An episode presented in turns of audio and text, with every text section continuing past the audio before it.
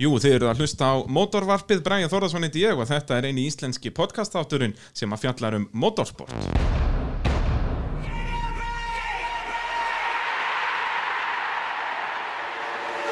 Og gestu þáttarins eh, Pál Pálsson, kontur sætt og blessaður. Sætturstu? Þú ert uh, já, markvældur Íslandsmeistar í, í rallycrossi og, og svo meistar í torfæru líka. Þetta er svona kannski frekar spes, ferill, ef maður svona fyrir að pæla í því. Þetta er, það er ekki margir sem að fara svona bólakaf í, í torfæru og rallycross. Nei, en uh, það eru fleiri titlar hana, ég á eitt titil í Sandsbyndu líka Já, og svo, já, já, þetta er svona búið að að vera, uh, berjast í á mörgum fyrkstöðum svo sem en þetta byrjaði allt í rallykursi það byrjaði allt í rallycrossi. Og já, mótorvarpið að sjálfsögðu í bóði Abbi Varahluta og Innvélar. Abbi Varahlutir að sjálfsögðu, já, ódýrasta Varahlutavestlun landsins og eru með dýrindis Júról olíur sem eru nú olíur sem að er bara verið að nota í, í kappökstrum út um alla Evrópu og sennilega víðar og Dakarallinu og eitthvað. Já. Þannig að þetta er, er eðalolíur sem að virka vel bæði í kappastusbíla og, eh, já, bara venjulega fólksbíla. Já, Og yðnvélar, það eru náttúrulega allt fyrir yðnaðamannin og, og fyrirtæki, já, hvort sem ert einstaklingur eða, eða fyrirtæki og ert með játnasmíði eða trésmíði eða bara vesenast í bílnum. já, já, ég er nú aldrei með verkværi frá þeim Já, er það ekki? Ertu jú. allur í betaverkvarunum? Já, Ég er með liftur og græðir frá yðurvélum sko Já, þetta er eðal fyrirtæki, búið að vera Já, líka lengi í bransanum og, og þeir þekkja þetta allt saman. Já, já, Það er svolítið svoleiðis, en Pál, við ætlum að tala eins um, um, um þinn feril og já. þú talar um það að byrjar 93 í, í rallycrossi en svona bíladellan var komin mikið fyrir það en það ekki. Jó, jó, hún er náttúrulega bara frá blötu basbeini og Já. sennilega eitthvað fyrir það sko Hvað af hverju? Var þetta eitthvað í familíun eða erst þú slæma ekkið? Já, nei, pappi er hérna svona gamall mótorhaus og hann er svona var í þessu kvartbílubrasi og var í ykkurum kappakstri hérna upp í Kollafyrði út um allt og, Já, og hérna og þeir voru mikið í ykkur tilhjörnastasemi hann og, félagar hans og, og hérna hann er talin svona fyrstur eða með fyrstu til þess að áttursildri vel í villiseipa já, það er svoleiðis. og hérna fekk nú snemma viðunefnið Páll var fátundi og hérna og að því að ég var undan honum þá var ég stundum kallaði Palli hérna línufjarki Línu, já, já, veist já, akkurat, akkurat.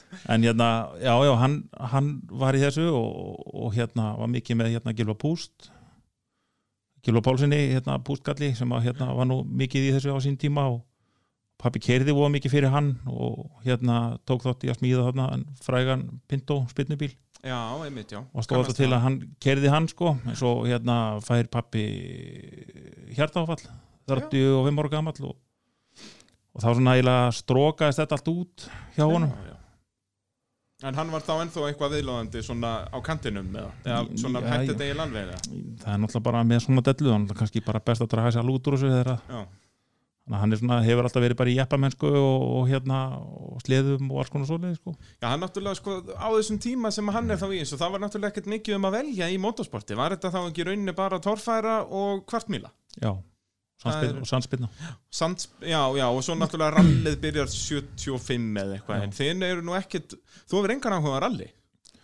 Ég hef náttúrulega mjög mikið áhuga á öllu mótsporti en ég hef aldrei fundið mig í rally, ég hef farið í rallyspretti og svoleiðis og jú, þetta verður gaman en, en umfangi í kringu rally er rosalega mikið. Og ég held að fólk sem að horfir á uh, rallybíl keira og þú veist og sér þetta það gerir enga grein fyrir umfanginu og umgjörðinu sem rally er. Og ég er bara uh, bara hef ekki farið þessa leið sko, ég bara, já. Já, já, það, ég meina það, maður getur ekki verið að keppi öllu. Nei, það er náttúrulega svolítið svo leis og svo er ég svona uh, ég hef rosalega mikið áhuga á brautarakstri og hef rosalega gaman af því hafa alltaf aksjónu í kringum mig og, og þannig og þú veist svona kannski að hérna skilur mig vita mína stöður í kem í mark Já, þetta er náttúrulega alveg svart að hvitt, sko, þó að margir vilja líka þessu, sko, rallycrossi og, og rally, Já, að það er ekkert, það, þú getur verið frábær allökum að þú geta ekkert í rallycrossi og öfugt, skilur, Já, já. þetta er alveg þannig sem svart að hvitt. já, já, þetta má eiginlega kannski líka þessu við kannski sprettlöp og langlöp þetta er svolítið, svolítið svoleið sko Já, líka, þú veist eins og já, bara að þú ert kannski nær startinu og, og þarft síðan að fara að keira varnarakstur, að, að verja þína línu og svoleiðis, þú veist, þú ert ekkert að pæli þessu í rally, sko. Nei, nei, nei, nei, og það er náttúrulega, þú veist, eins og í brautarakstri þá er, þú ert að hugsa um svo mikið þú ert að, þú ert að pæli fullt af hlutum Já. sem að þegar ég horfa á mikið af þessum ökumönnum sem er að keppa eins og í dag þú veist, þá er ég að horfa hvernig ég keira og plásun sem þú veist, það sem þeir ætti að vera að nýta sér þú veist, hvernig, þú veist, þeir eru að horfa kannski fyrsta hringin hvernig bílan hundaðin keirir hvaða línu hann tekur. Þannig að þú getur þá breytt þinn í línu til þess að vera að stinga þér eitthvað á milli annars staðar þar sem hann ætti kannski síst von á þér. Að því að sko eins og brautin sem erum með út í Krísuvík og hún er náttúrulega þröng og erfið og það er ekki mikill hraði í henni. Þannig að þú veist að vera á okkur um Uber bíl þú ert að vera svo, á svo miklu kraftmeiri bíl heldur en hinnir eða þú ætlar að vera að týna þá upp En maður sá það alveg, þú veist, kannski sérstaklega á þessum tíma sem þú ert að keppa, þá var alveg svolítið mikill munur á bílum. Maður sá, þú veist, ef ykkur snýrist í fyrstu beigju, þá náði hann að pikka upp bílana jæmt og þétt. Já, það, var, það var nú svolítið misjant sko, en þegar ég er að byrja í rallycrossi að þá voru í krónuflokki voru kannski 30, 40 bílar Já, þá, þá var skiptis upp eða ekki. Jó, það þá bara- vorum við að keira svona A, B og C riðla sko náttúrulega Þetta var þetta allt samdægu samt eða? Já, það var alltaf gert á sama deginum. Og það var, þú komst alltaf með heim með bílinn alveg í henglum, þetta var allt í kásu eftir hver, hver einustu keppni sko. En þá líka voru reglurnar að sögru sig, þar máttur aðeins bífa upp bílinn, semst þar þurfti ekki að vera með einhverja stöðar, enda voru þetta yfirleitt bara einhverja prófíl skriðdrekar þessi krónubílar. Já, það var sama reglan sko, þú máttir styrkja bara með uh, minni með einum og hálfu millimetr eitthvað svolítið framöndan á honum en, veist, en þegar ég hérna byrjaði að keppa á landsetnum sko, þá hérna hann var nú bara 1600 á sínum tíma og, og hérna og þá var hann svona bara með framstöðarunum og öllu draslinu eins og þetta var og þetta var allt ónýtt alveg um leið sko. Já, já, þannig að ekki ekkert annað. Mér, ég elska nefnilega lúkið á bílunum sem var út, þeir voru basically allir eins, þetta var bara, bara 90 gráðu blikkplata framann já, já, og allt mjög kassalaga og, og gúrmi. já, bara svona var auðvitað að smíða Ég segi það sko, það er ekkert að flagja þetta. Nei, og það var sko þegar ég mæti mína fyrstu ketni þetta alltaf, hérna, þetta er alltaf minnistætt sko. Ég þekkti nú hérna Sigmund Guðunarsson áður ég mætti sko í fyrstu Sem og, og hérna Birkir vinnu minn, hann var að keppi í þessu ára á undan, byrjaði á hann 92 byrjaði eitthvað þá sko.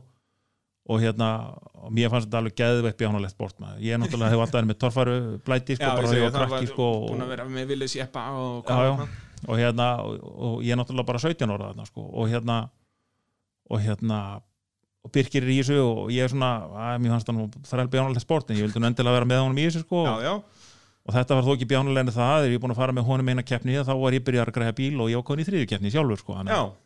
Og hvað, þetta er mjög skemmtileg saga með hennar landser. Þú lendir í einhvernum hremmingum að það ert ekki að prófa fyrir fyrstu keppnaðin eða eitthvað svo leiðis. ég get sagt þér þúsund sögur af mínum remmingum að hérna, Ég, ég var bara að lesa Facebook, ég fór yfir Facebook-album hjá þér og þar var eitthvað, veldir honum ekki Ja. eitthvað fyrir fyrstu keppni eða í fyrstu keppni? það var fyrir sísónu 96 þá Já, var það þetta er orðið, svoleiðis. orðið tvekja lítra og Já. þá var þetta orðið samkynnis hafi bíl sko Já. og ég sem sagt hérna uh, var eitthvað að fara með félögum mínum upp á brauta og brautin ekki alltaf læst sko Já, en þeir voru byrjaðir eitthvað að gera við þetta og ég hérna hengi bílinn aftan í jeppa hjá mér og var alltaf bara með hann á beisli hangandi aftan í og, og var svona að haulast með það hvort ég ætti að koma við heim og ná í beltin eða ekki. Það er bara að keira rólega og bara aðeins að prófa þetta og, en þú veist en náttúrulega bara, maður, þegar maður er ungur og vitlaus og þá er maður líka útreipandi að maður heldur. En ég svona, þetta laðist einhvern veginn þannig í mig að ég kom við heim og náði í beltin og hjálminn og, og svo þegar ég kemur á braut þá hérna græði þetta allt í bílinn og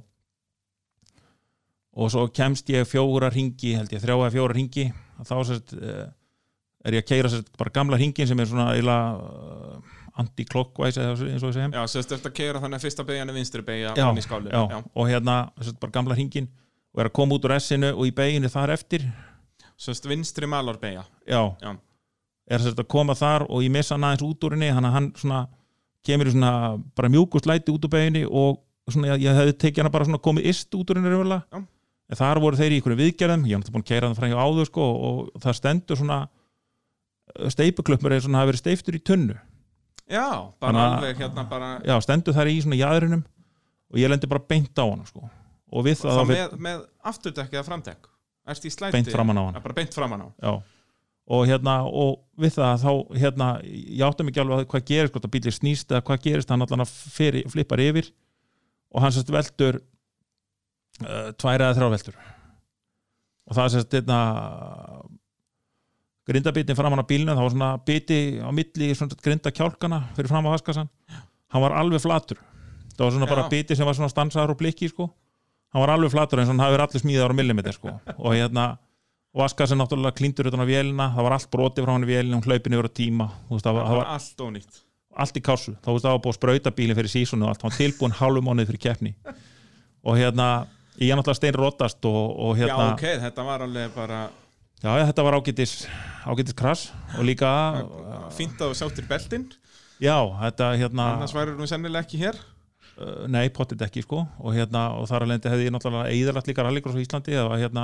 eitthvað pappakassi hefði verið beltalaus upp á braut og velt bílinn upp og það dreipist er, er reyndar mjög góð pæling að það hafði ekki verið fallegt. Þú eitthvað bara valsaðir inn hann inn á ólokaða brautina Já, já. og Já, við erum beltalaus og steindur aftur við að prófa kefnisbíliðin já, ég segi það sko. Þannig að Það er er ekki, ekki- maður er ekki alltaf svo gáðalegast í bransanum sko. Nei, en þú veist, það, það byrja allir ungir og vitleysir Já, en svo hérna verðum við að byrja ballið sko að hérna að gera og græja sko. Það náttúrulega þurfti ég að fara og fá frí vinnunni og, og hérna og þá var ég nú bara nemarævill hjá mjölkursásunni og hérna og gerði sérst við bílinn uh, þar fyrir utan vestæðið.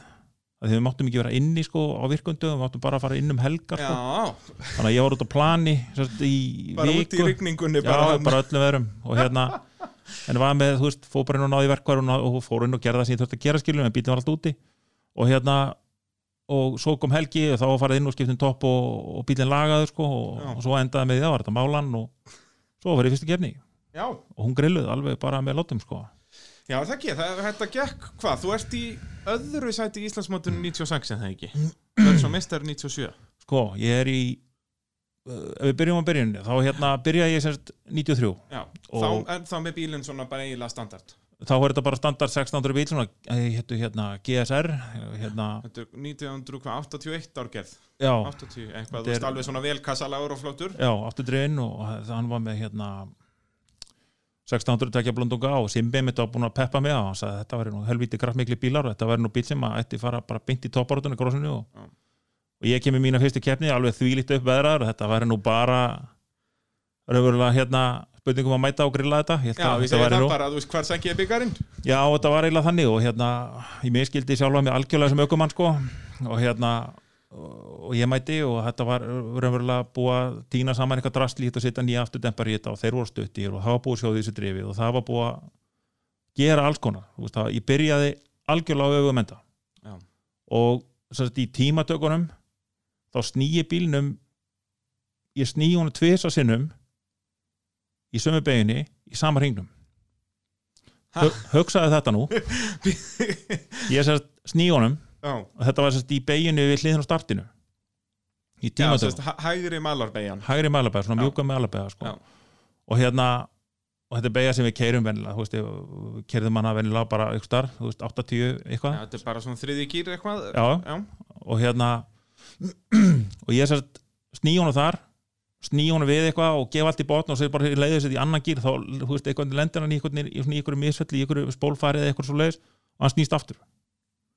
Þú veist, ég gjör sannlega ég, ég mætti og ég var með sko skítaröndin alveg upp í hársvörð sko, bara upp, upp í nakka. Langt upp fyrir nakka sko. Og hérna svo náttúrulega bara, þú veist, fyrir keppnin og það er búið að keiri gegnum alla dekkjastabli í brautinni og það var allt, ég var bara gjörsanlega og, og sko, svo er ég náttúrulega skapeitur og tapsár líka sko, Já, þannig að sko ég var orðin geðvikur algjörlega geðvikur og hérna síðan hérna uh, er semst uh, keir, við keirum þetta á og ég enda semst í 20. sæti af 40 keppundum með eitthvað kem heim í bílinn, alveg í henglum sko. það er náttúrulega ekkert grín að keira svona bíli gegnum stapla vörbildekkim sko. og hérna og náttúrulega stýribegla og berja það allt sundur og saman og, og þú veist, þetta var allt svona svo svona byrja maður aðeins að sjóast sko. þá byrja bara á því að taka sjónadrifið úr bara, ok, lærum þetta bara. Lærum að kera síðan hérna Já, er alltaf þa- Þannig ertu samt alveg strax komið með þennan metnaðskilur og bara, heyrðu, þú veist, ég ætla að vinna.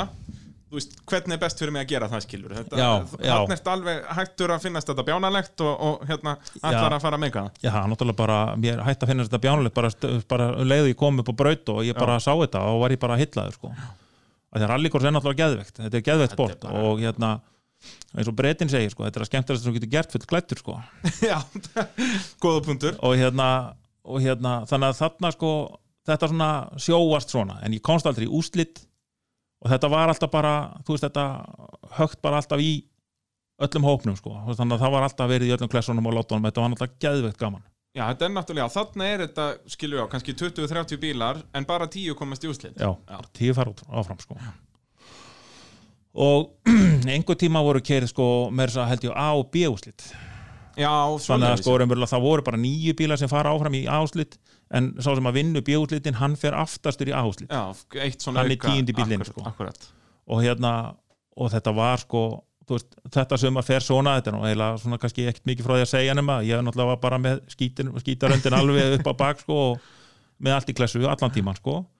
Og á næsta ára eftir þá var eiginlega sama sagan Og gerur ekki mikla breytingar á landsetnum hérna fyrir þá 94 jú, það var smíðað nýr bíl Já, ba- bara það í rauninni. Bíl, hinn bílinn var bara ónýttur. Ég endaði þessart uh, að kert í hotnið á mér inn í S-beiguna og, og hérna fekk hérna fekk seliku að stæðstu gerðin í hliðina. Já, og það sérst að þá fæ ég aðalbóan sko, það var bara ein hörðaslá Já, og ég fæ aðalbóan inn í bíl og ásamt hörðastífinni og þarna á þessu tíma var ekki einu sinni skildaður í körfustól. Já, ég var í einhverjum gömlu körfustól og simma sko og sérst, og stóllin náttúrulega klemmist á milli stóksins, girkasastóksins og hörðaslánar og stóllin var náttúrulega einhvern veginn skakkur og kom upp á festingunum, þetta bílinn var alveg í kásu sko og ég var bara heppin að með það mikið og hefði ég verið í vennilegum stól þá hefði ég meitt mig sko. Já, og þannig að við hérna smíðum nýja bíl árið, árið eftir. Og var það þá alveg nýr bíl í sérst ný skel og allt Já, nýr svona- skil, hún var helmingi verið á mikið reyðbæting og þetta var algjör skröður sko. Já, svoleiðis. Af hverju ákvæmst að halda áfram með landser? Bara, að því að veist, þetta var á þeim tíma sem þeir voru bara að detta göttunum og, veist, og við áttum bara þú veist, Birki vinnum var að keppa lötu og ég var á þessum landser og, veist, og þetta voru bílar sem við gáttum gefins út um allan bæ sko. bara þægilegt. Já, partasölið voru hættar að vilja þetta og þannig að sko ég held, ég fór ykkur yfir það sko. Allan þann tíma sem ég kefti í rallykursi þá uh, átti ég og reif 20 landsera Já, þetta voru svo maður var náttúrulega mjög döglegur á þessum tíma sko, þannig að þú veist annarkvort var farið með þetta upp í grefjur og þetta var eðalegt sko, að notaði eitthvað úr þessu og eitthvað, þú veist það var alltaf eitthvað svona rugl í gangi sko. Jú, jú. Þannig að þessi tvö sömur voru svona. Og svo þriðja sömarið þá ætlaði ég að smíða Sapporo. Og hérna en svo einhvern veginn fannst mér hann einhvern veginn og stóru klunnalegur eitthvað svo leiðis, þannig að ég fer aftur í landsirpælinguna sko. Og þá kaup ég bíl af Ívari sem að var að keira með honum Ísak í ralli Já, einmitt. Þeir sagt áttu til hérna eitthvað landsætskröð sem að body var gott á honum en og þeir voru konum með 2 litra mótor og eitthvað svolítið það var eitthvað svona var eitthvað að byrja að byrja að smíða krossbíl. Já, svoleiðis, já, þú kaupir svona eitthvað hálfkláraðan já ég kaupi bara, þú veist þetta drasla af þeim og svo erum við að setja þetta saman og, og svo að því átti þennan sappar og þarna þá var í honum sko svona tvekja blóndunga eitthvað system og, og Já, tók sko getur þannig að notað eitthvað úr því þarna. Já, að þetta, þú veist svona bíl með 2 litra vél og bara var þetta með einu knast á þetta var svona sipasprekt og svona 86 svona tvingam eins og það voru Já. daldið þarna á þessum tíma Og mætir á þessu 95 95, þá mætti ég honum og hérna, og þá fyrir ég semst strax í baráttum Íslandsmeistari titil og hérna ég man ekki hvernig það endar með minnir að það endar nú bara með því að Garðar Þór Hilmarsson er verið vísmeistari og ég var endi í öðrsæti Gott ef ekki. Er Garðar á Sappar og þarna? hann er á Sappar og þarna og síðan árið 96 þá semst hérna er aftur saman barátta ég og Garðar erum að berjast þarna allt sömarið og það enda með því að hann kemur með súbru fræga, fræga rallikursúbru kemur hann í krónlokkin og hérna og ég fæ semst, þetta var algjört hernaða lindamáli, ég semst kemst einhvern veginn að þessu fyrir keppnina og og hérna og þá fyrir við félagar eitthvað svona eitthvað að pæla í þessu og, og hérna og ég var sett komin 96 þá var ég komin með nitrogas í landsverði líka. Svona fokkar kitt sko, það var 75 stafla kitt sko. En þetta er náttúrulega bara 100 stafla vél og svo Já. 75 stafla gas í viðbót sko. Það var uh, og það var búið að sprengja marga mótora við að prófa þetta og finna út úr þessu og finna svona hvað veist, hvernig maður gæti gert þetta. Það náttúrulega var engin kveikjusenkar eða neina græjur í þessu. Nei, nei. þetta var bara það var bara tekið millivegurinn og svo bara kert á flugulebensinu sko. Og hérna og við sérst hérna uh, Guðni Þorbjörnsson sem að kefti þá ofurlutu í rallikursblokki, hann átti ykkur hérna ykkur flotta slika, ykkur Eivon slika 13 tómu og hann var mjög breiðir.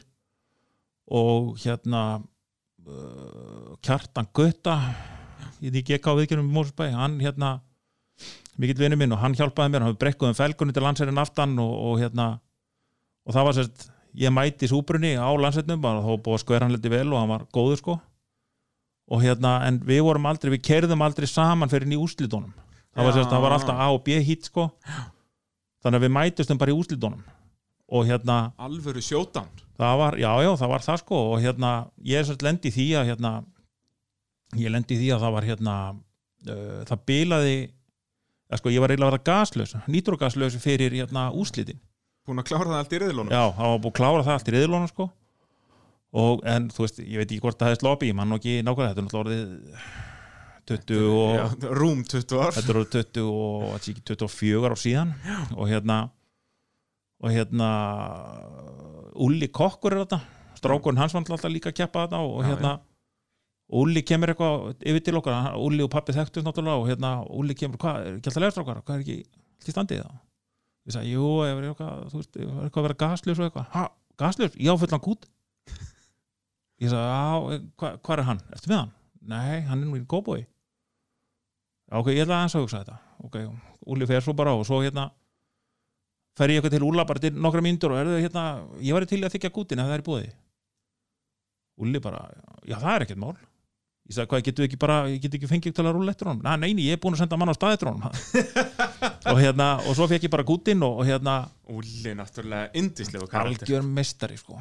Og hérna og hérna og þá semst fæ ég þennan kút, nýjan kút og ég fer í úslitin á móti súbrunni og þá var hérna og þá var hérna bilar hjá mér uh, nýtrólógi Já, fyrir bensín.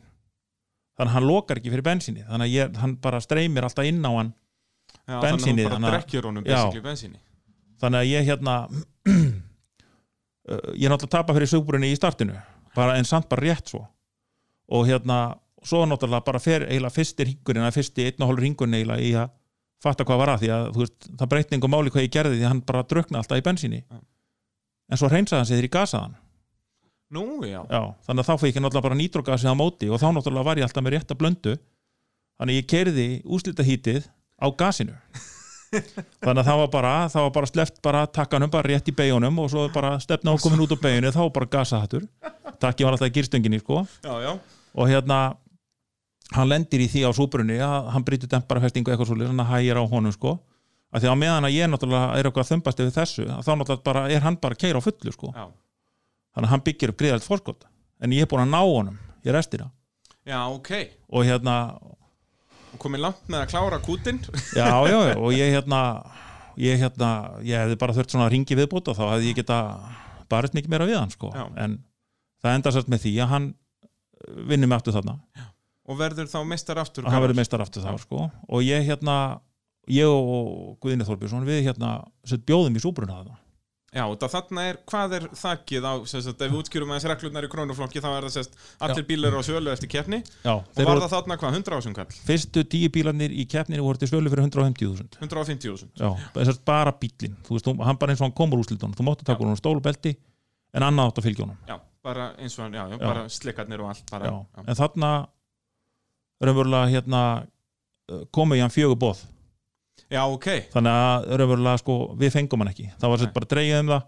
Já, er það svo leiðis, ef það kom mörg bóð að það var bara dreigið já, Já, það er bara það er bara eitt verð. Já, það er ekkert er þannig að það er enginn að yfirbjóða eitt en eitt sko. Og hérna og það var bara dreigið um það. Og það var hann eitthvað gæði sem að bauði í það. Og svo náttúrulega bara hann átti að segja hvað hann hefði gert. Það var bara, þá hafði hann ekkert verið rallíkurs að gera þetta. Bara rallíkurs bíl að gera sko, þetta var bara virkaði eins og góð hugmynd þarna sko. Já, og hérna en uh, þannig að þú veist við við þurftum ekki það ágjara því að að drösla þessu bíl líka heim sko þarna eftir keppnina sko.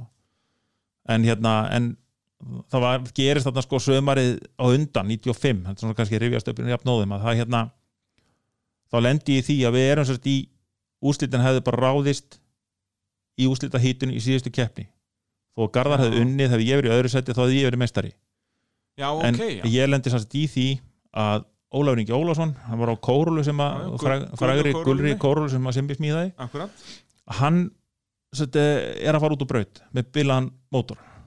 Eða þú veist og ég var búin að sko horfa á hvernig hann kerði og ég ætla að taka hann í beigjunni sko við hliðin á startinu. Já.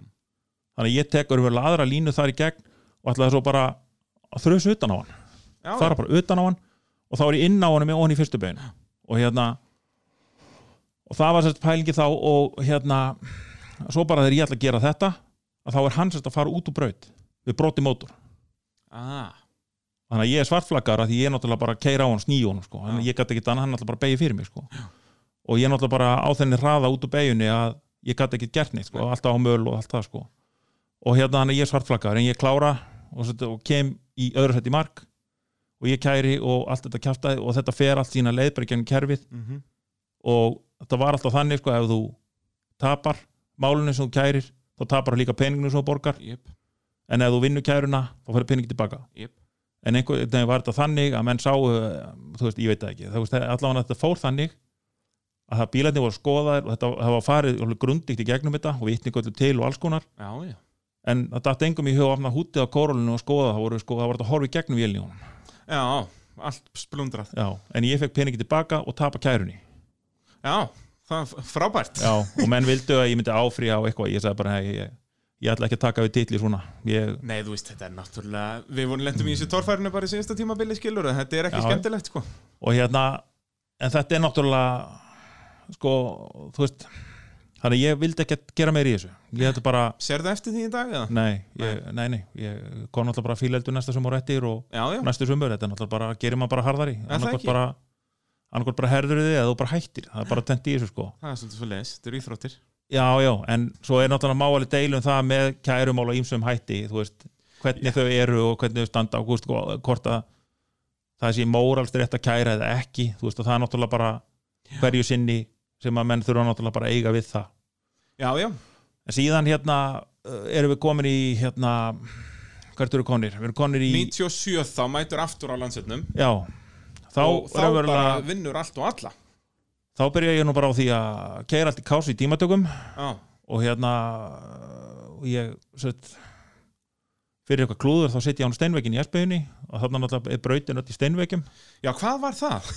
Datt engum í hug ég veit það ekki, þetta var náttúrulega bara svona þetta gert þarna sko. Og það eru, þú veist, ég hef alveg komið á brautir víðar sko, eins og í Nóri og svona og, og brautir eru svona já, þú sko. veist, er það alveg í að það sé bara steinveikur upp við brautina í, í kröppum beigum? ég, ég, ég ætla kannski alveg að ganga svo langt en allan að dekja vekki sko. Já, þú veist, það er náttúrulega oft sko steinveikur og svo nokkur dekk fyrir framann, sko. Já, veist, það- en, en eins og bara í þessari S-beigju þeir voru nú ansi margir rallycrossbílarnir sem bara eyðilöðust á þessum Já, já, á þessum og þarna komið menn og í keppni með nýsmíða bíla, þeir fóru á hana vekk og þeir fóru heim og þeir komu ekki aftur Þetta var svolítið svo já, þetta eiðalaði fleiri keppinur en, en þú veist, við gáttum raunverulega að skapa því sportinu sko. en allavega þá hérna ger ég þetta og hérna í hérna, fyrstu, bara í tímatökum í fyrstu keppni 97 og ég var nú alltaf með mann á kantinum sko, sem að hérna var alltaf að ala mig upp sem að heitir Sigurður Óli Gunnarsson. Já, hinn eini sann Já, ég var náttúrulega það skapheitur að hérna, ég gæti ekki hlusta á bróður minn og ég gæti ekki hlusta á pappa þegar þeir voru að reyna að tempa mig eitthvað niður sko. Svo kom Siggi Óli og herði Palli, þú voru að hérna voru að beita akstur eða sko beita skapinu í aksturinn ekki bara í stýrið ekki berja stýrið sko. og hérna svona þegar þú veist, ég fór að skilja það að þá erum verulega sko þá kannski skila sér keppnisharkan þá fer hún í eitthvað annað heldur en bara skapbónskuna Já. Af því að þú veist allt púðrið og allt effortið sem setur í skapbónskuna vera pyrrað á okkur sem að þú raunverulega getur ekki breytt að þú veist að þegar þú vann að beita því bara í aksturinn og það sem þú ert að gera og það sem þú ert að gera vel að þá náttúrulega skila það sér.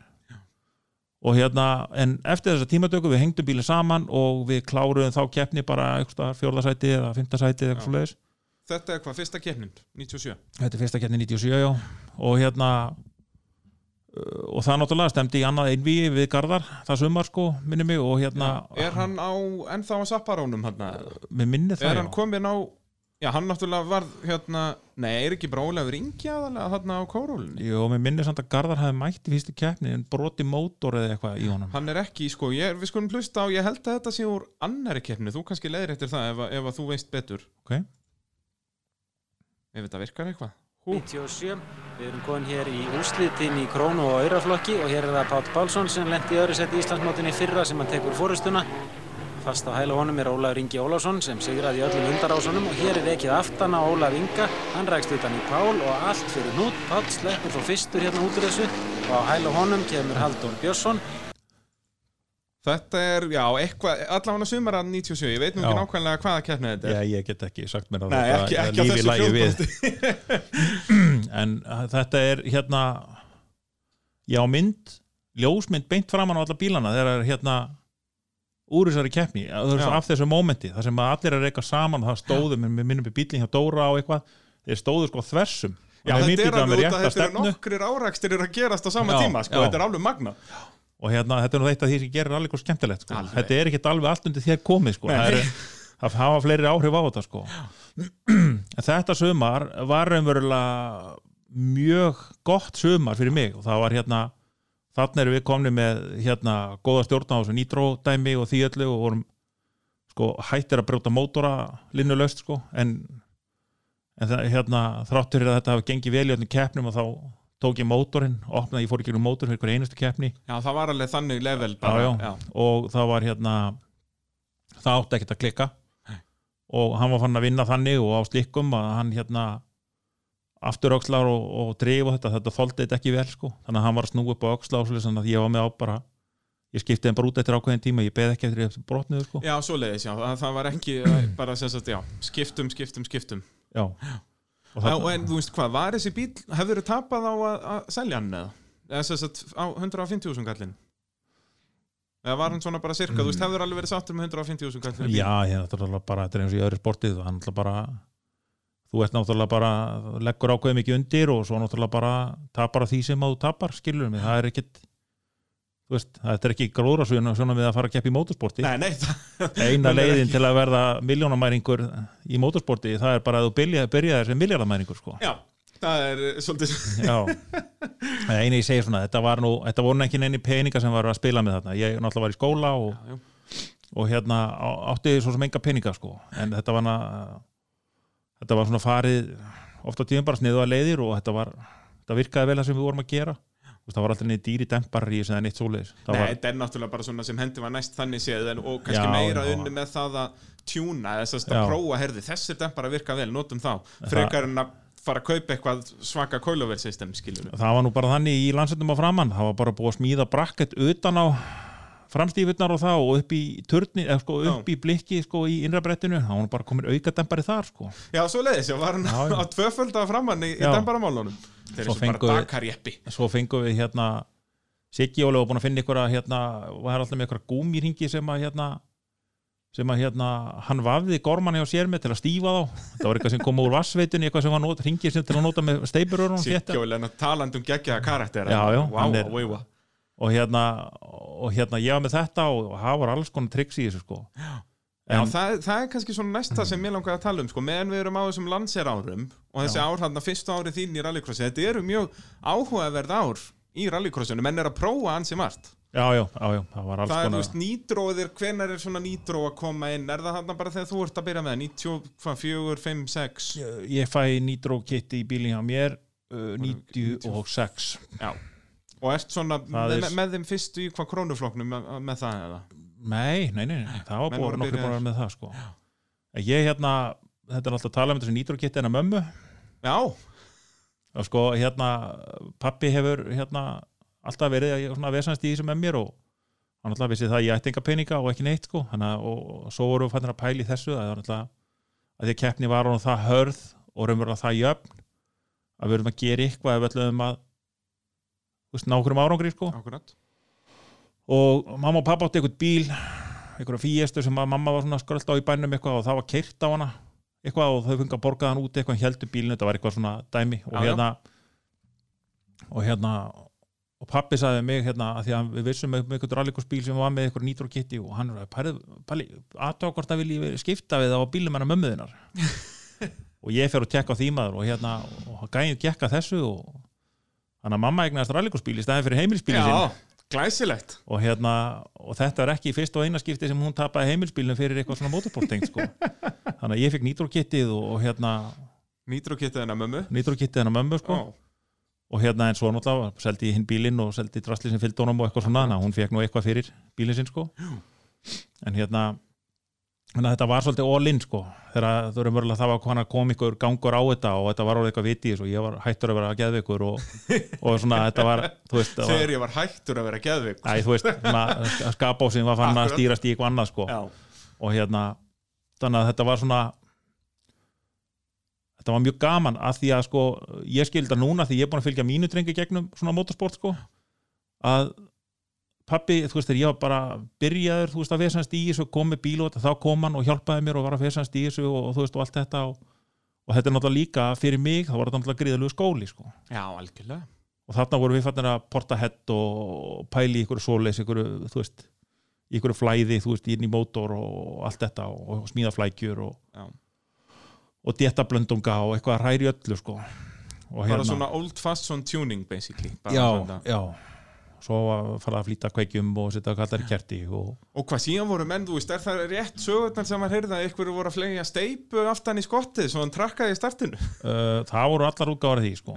Ég hérna að því ég var sko ég var ekki alveg tilbúin að vera með alltaf með sko rosalega þingdir aftur í bílni á mér sko. Nei, nei, þetta, þá er þetta bara Pendulum, skilur, Já, þú höndlar ekki neitt sko. Nei, nei, og þá náttúrulega bara ertu náttúrulega, þú veist, ég ákveðir mikið sveiflu í ykkur beigju og þá náttúrulega ertu, þá ræður ekki við það, þú veist, þá verður náttúrulega bara, hún verður náttúrulega þingri sveiflan á bílnum, sko. Spurðu bara alla sem hafa keitt Porsche. Já, já, akkurat, eða strætisvagn. eða strættisvagn Er það hérna, uh, og ég sérst, fer með 5 kíló á brúsa, bara svona rúðuga brúsa, Já, svolítið, bara- 5 út á leikskóla, fyll hann að sandi, bleiti sandin, þú veist, og ég fyll hann, þú veist, hann var alveg tróðfullar af sandi. Já. Svoleiðis brúsi, 5 lítra brúsi, fullur af blautum sandi, hann er 15 kíló. Og hérna, og ég smíðaði svo bara statíf skatti gott yfir bíl, á bílinn hjá mér fyrir fjóra brúsa. Já, ok, þannig að þú varst í þessum, þessum æfingum Já, já, það þurfti sko það náttúrulega, hérna, fyrst voru við náttúrulega bara keira okkur sóluðu drastli ykkur, þú veist, og stundum átti maður ekki einu sinni samstætt þetta var allt alls konar sko og hérna og hérna þannig að það var alltaf þessi tilrunastar sem var í gangi og hérna og svo hérna og, þú veist, og raunverulega það sem kemur út úr síðan mér, þú veist, að ég var yfirleitt alltaf bara með tvo brúsa, mér finnst hann bestur alltaf, það voru svona 30 kíló aftast í skotin á honum. Og hérna, en svo hérna 95 þá var ég að vinna á dekkjavegstæði og hann sponsa mig um þetta þannig að ég var að, þú veist, þannig að ég átti þú veist, eitthvað fjögur eða sex ný dekk eða eitthvað þannig að það var nú ekkit smáraði sko, að hérna, byrja, byrja að sí svona nýjum dekkjum sko. wow að, en þarna sömari 97, þá voru við fattin að hérna, kera mér á slikkum Já, eða ekki, þá var þetta orðið alveg, alveg reis já, og það voru hérna, og menn voru komnir aðeins í það sko.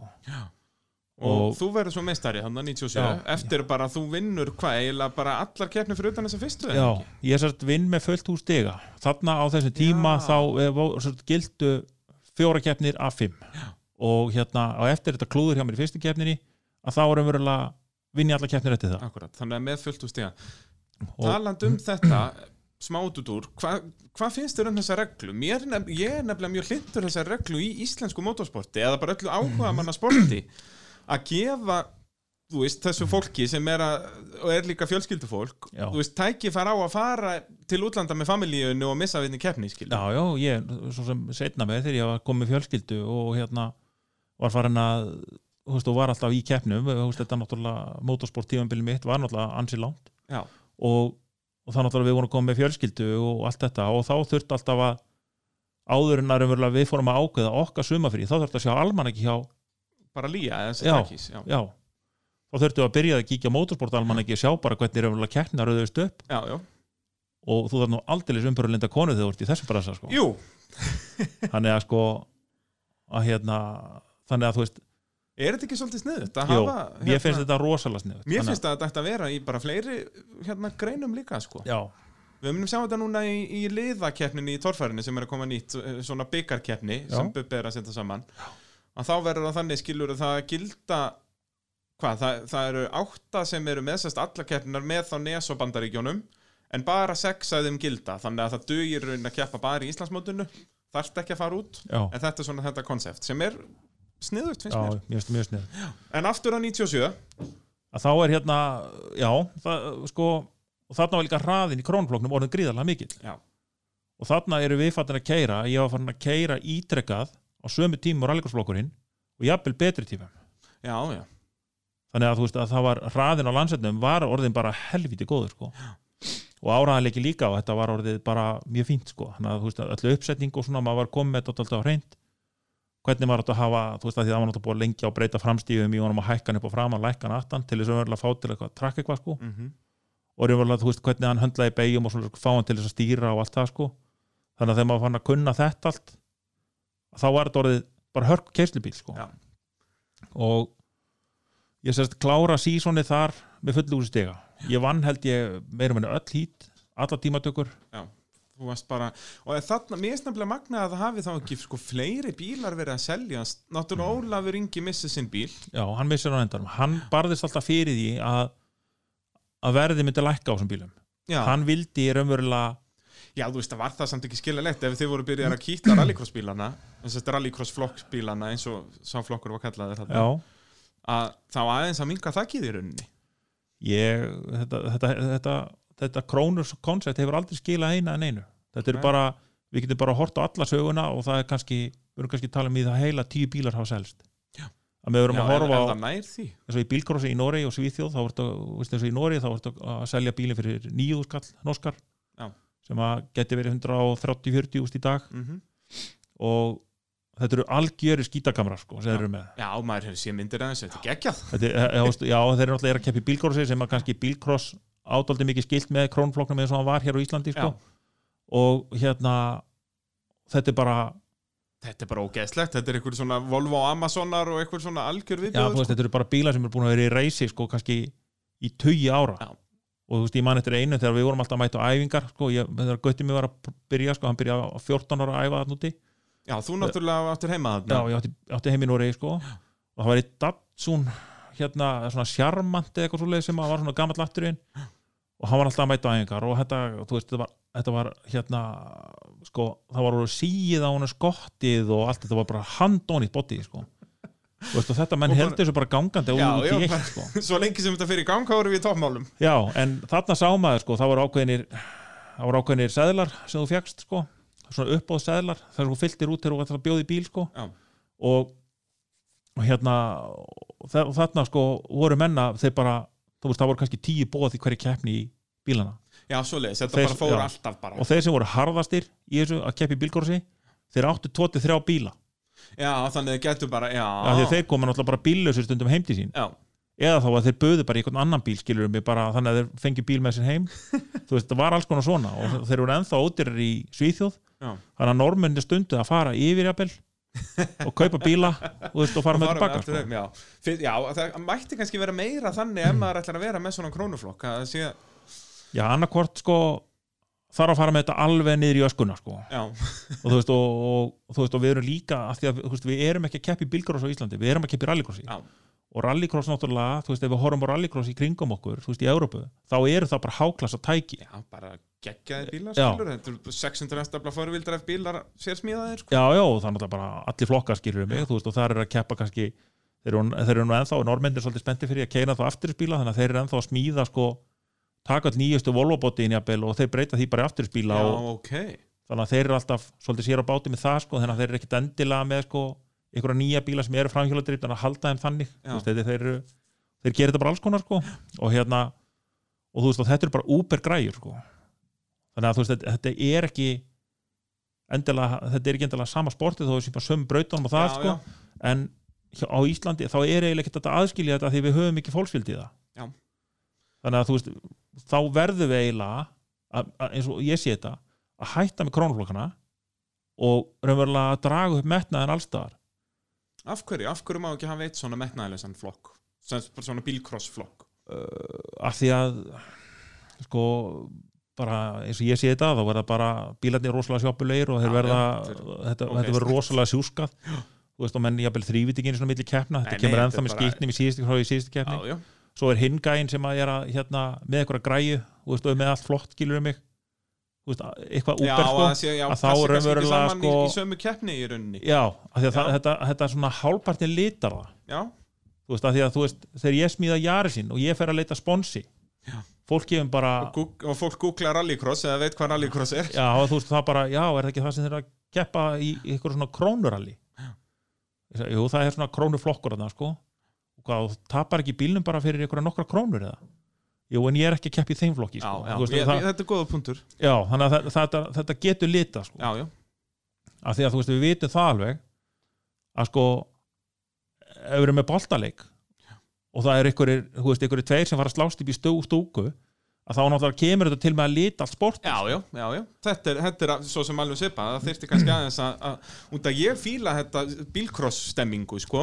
en, en það er svo sem góða punktur að það, þetta ætti kannski ekki að vera samdægus eða þess að ætti ekki að vera á, á eða einhvern veginn kannski aðskilja þetta betur Já, við, ég, veist, við höfum bara ekki fólksfjöldan í það sko. nei, nei, það er svo sem rétt sko og eins og hitt var bara þetta þú veist, og þá bara líka þú veist, öll virðing fyrir keppandanum hún hættir þú veist, þú bara, þú veist, þú keirir alltaf út sem þú getur Já. og þetta, þetta fer alltaf í raunverulega eitthvað svona klessuakstur sem þetta kannski á ekki að vera nei, alls ekki, þú veist, þetta rallycross in the end of the day er bara kapakstur skilur, þetta Já, ekki og það sem að fólk kannski áttast ekki á er að ákesslur í rallycross eru bannaðar já, já, bara alveg eins og í Formule 1 eða hverju Já, sem öðru, skilur, já. þetta er bara kapakstur Já. og þetta er raunverulega sko, þannig að þú veist við erum að horfa á rosalega skemmtilegt form af kappaksti þú þarf að setja upp bíl fyrir Malbygg, hann þarf að trakka vel á stað hann þarf að stýra vel og þú veist, hann þarf að, hann þarf að virka vel í möl og hann þarf líka að virka vel á Malbyggi og þetta er allt í sama hítinu ég sko. segi það, bara í, á sömu mínútun eða þú ert að að díla við þetta allt sko. og hérna,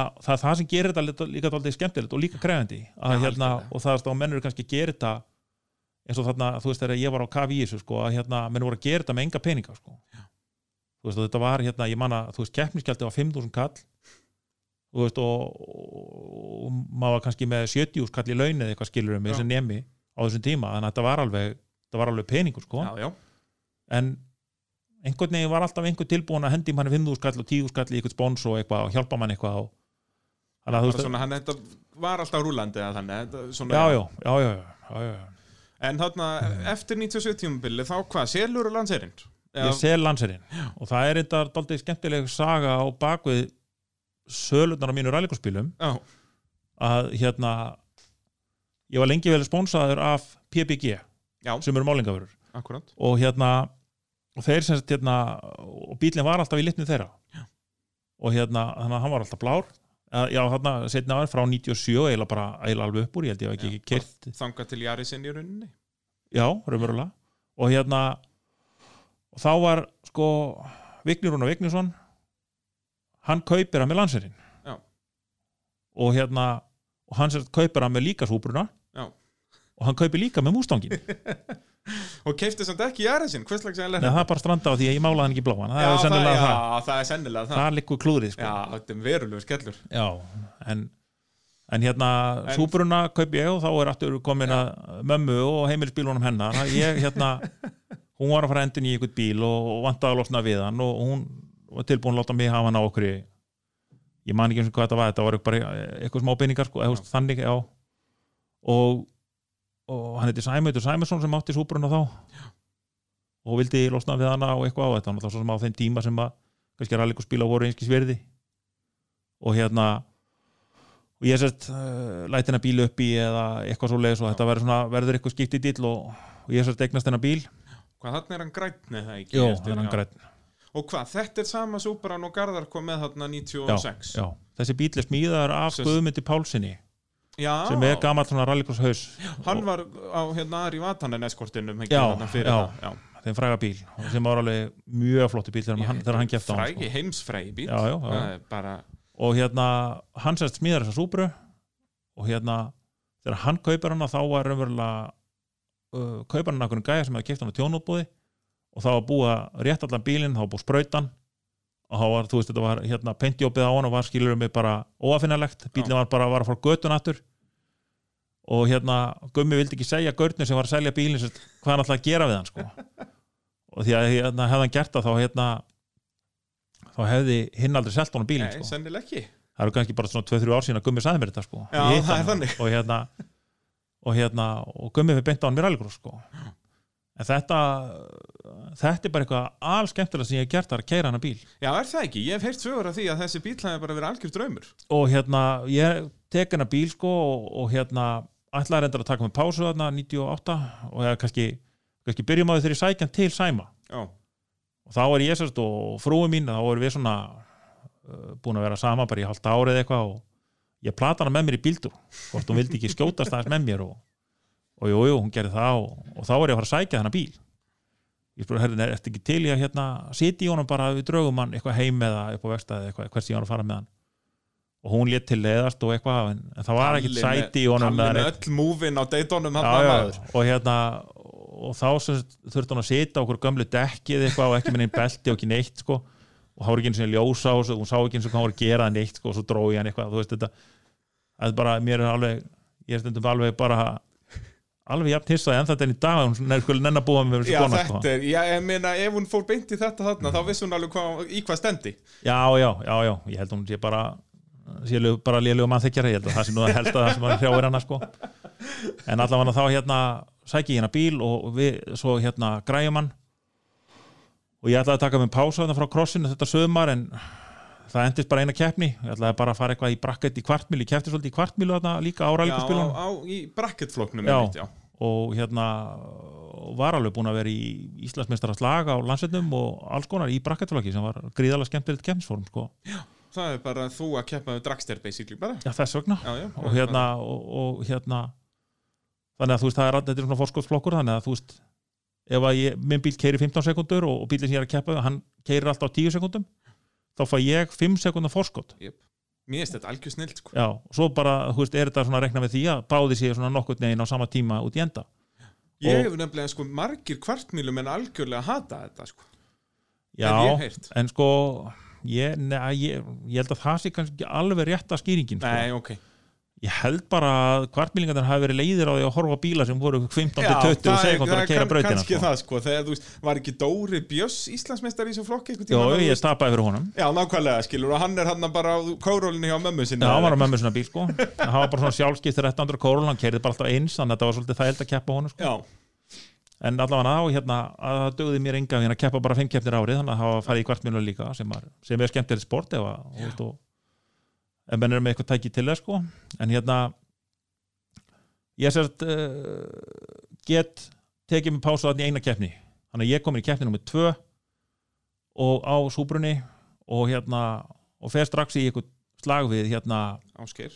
Ásgeir og þannig var Guðni Þorbjörns líka og, og Ellert Alessundarsson, hann var á mústangnum að hinnum, það sem Tveir hatsbakkbíl Ásgeir var á svona skottbíl og hérna og ég sérst er í baróttu við Ásgeir mér um minna allt sömarið og svo var náttúrulega eitthvað við hina líka sko en, en hérna en svo, þú veist, var alltaf eitthvað bastlás. Þú veist, bílinn var bara und, illa undir þetta búin að því ætlaði raunverulega ekki að keppa. Já, vantaði þessu upp á undirbúning. Já, og hérna einhvern skipti þá hérna komum við inn í pitt sko eftir gríðala harðan akstu hjá Guðni sko, veist þá vorum við búin að berjast og berjast og berjast allt hítið sko svo bara inn í pitt og vorum að því að við Guðni erum galið vinnir sko og hérna og já, vorum bara frá fyrsta degi og hittumst og hérna vorum slifilið í pittinum og svo bara í öllum asaganginum eitthvað þú veist að þá þú veist, að fer ég bara út úr bílnum og er að gera við og hann líka og svo erum við eitthvað svo er ég eitthvað, svona rangt eitthvað við mér eitthvað og stendi eitthvað upp og þá er ég að vinna í guðlum bíl. Þá er ég að vinna í lötunni ég verið eitthvað að leita að guðuna þá er hann að vinna í mínu bíl og hérna Hver hefur ekki lent í því? nei þú veist þetta var bara veist þetta var gríðalega gaman og hérna síðan hérna þú veist að því að síðan í öllum hítunum og öllum þessi keppni og þetta þú veist að þetta var ógeðslega gaman Já, þetta var mjög skemmtilegt sömar í Já, rallíkjörflokknum og ke- keppnis harkan mikil og hérna svo lendi ég í því að hérna ég lendi svo sem í alls konar það með hann en ég lendi í hérna ég fekk nýtrósprengingu Já, ég man eftir því, bara úr motorsportstættinum Það er Já. alveg bombast upp í hút. Já, það, það, sést þar að húti liftist sko. Að sko það var hérna það var hérna svona segulrofi sko í bensingefinni og ég sérst, keirin í eitthvað kóf það sem að bara reyku, ég sá ekki neitt. Og ég lendi inn í einhverju barði. Og hérna það, það voru okkar byrjar að taka steinveikin í burtu í S-beginu sko, þannig að það var eiginlega barði í staðin það var náttúrulega ekkert mikið betra sko. og hérna þannig að þú veist í raunveruleglega látan þá stýja hann í botn en það deyra á honum Já, svo bara þegar ég start honum að þá náttúrulega bara kom bara stóra sprengingin og, og það er svona loftflæði mælir í loftsíu húsinu í súbrunni sko. Og það brotnaði spjaldin, við fundum aldrei spjaldið.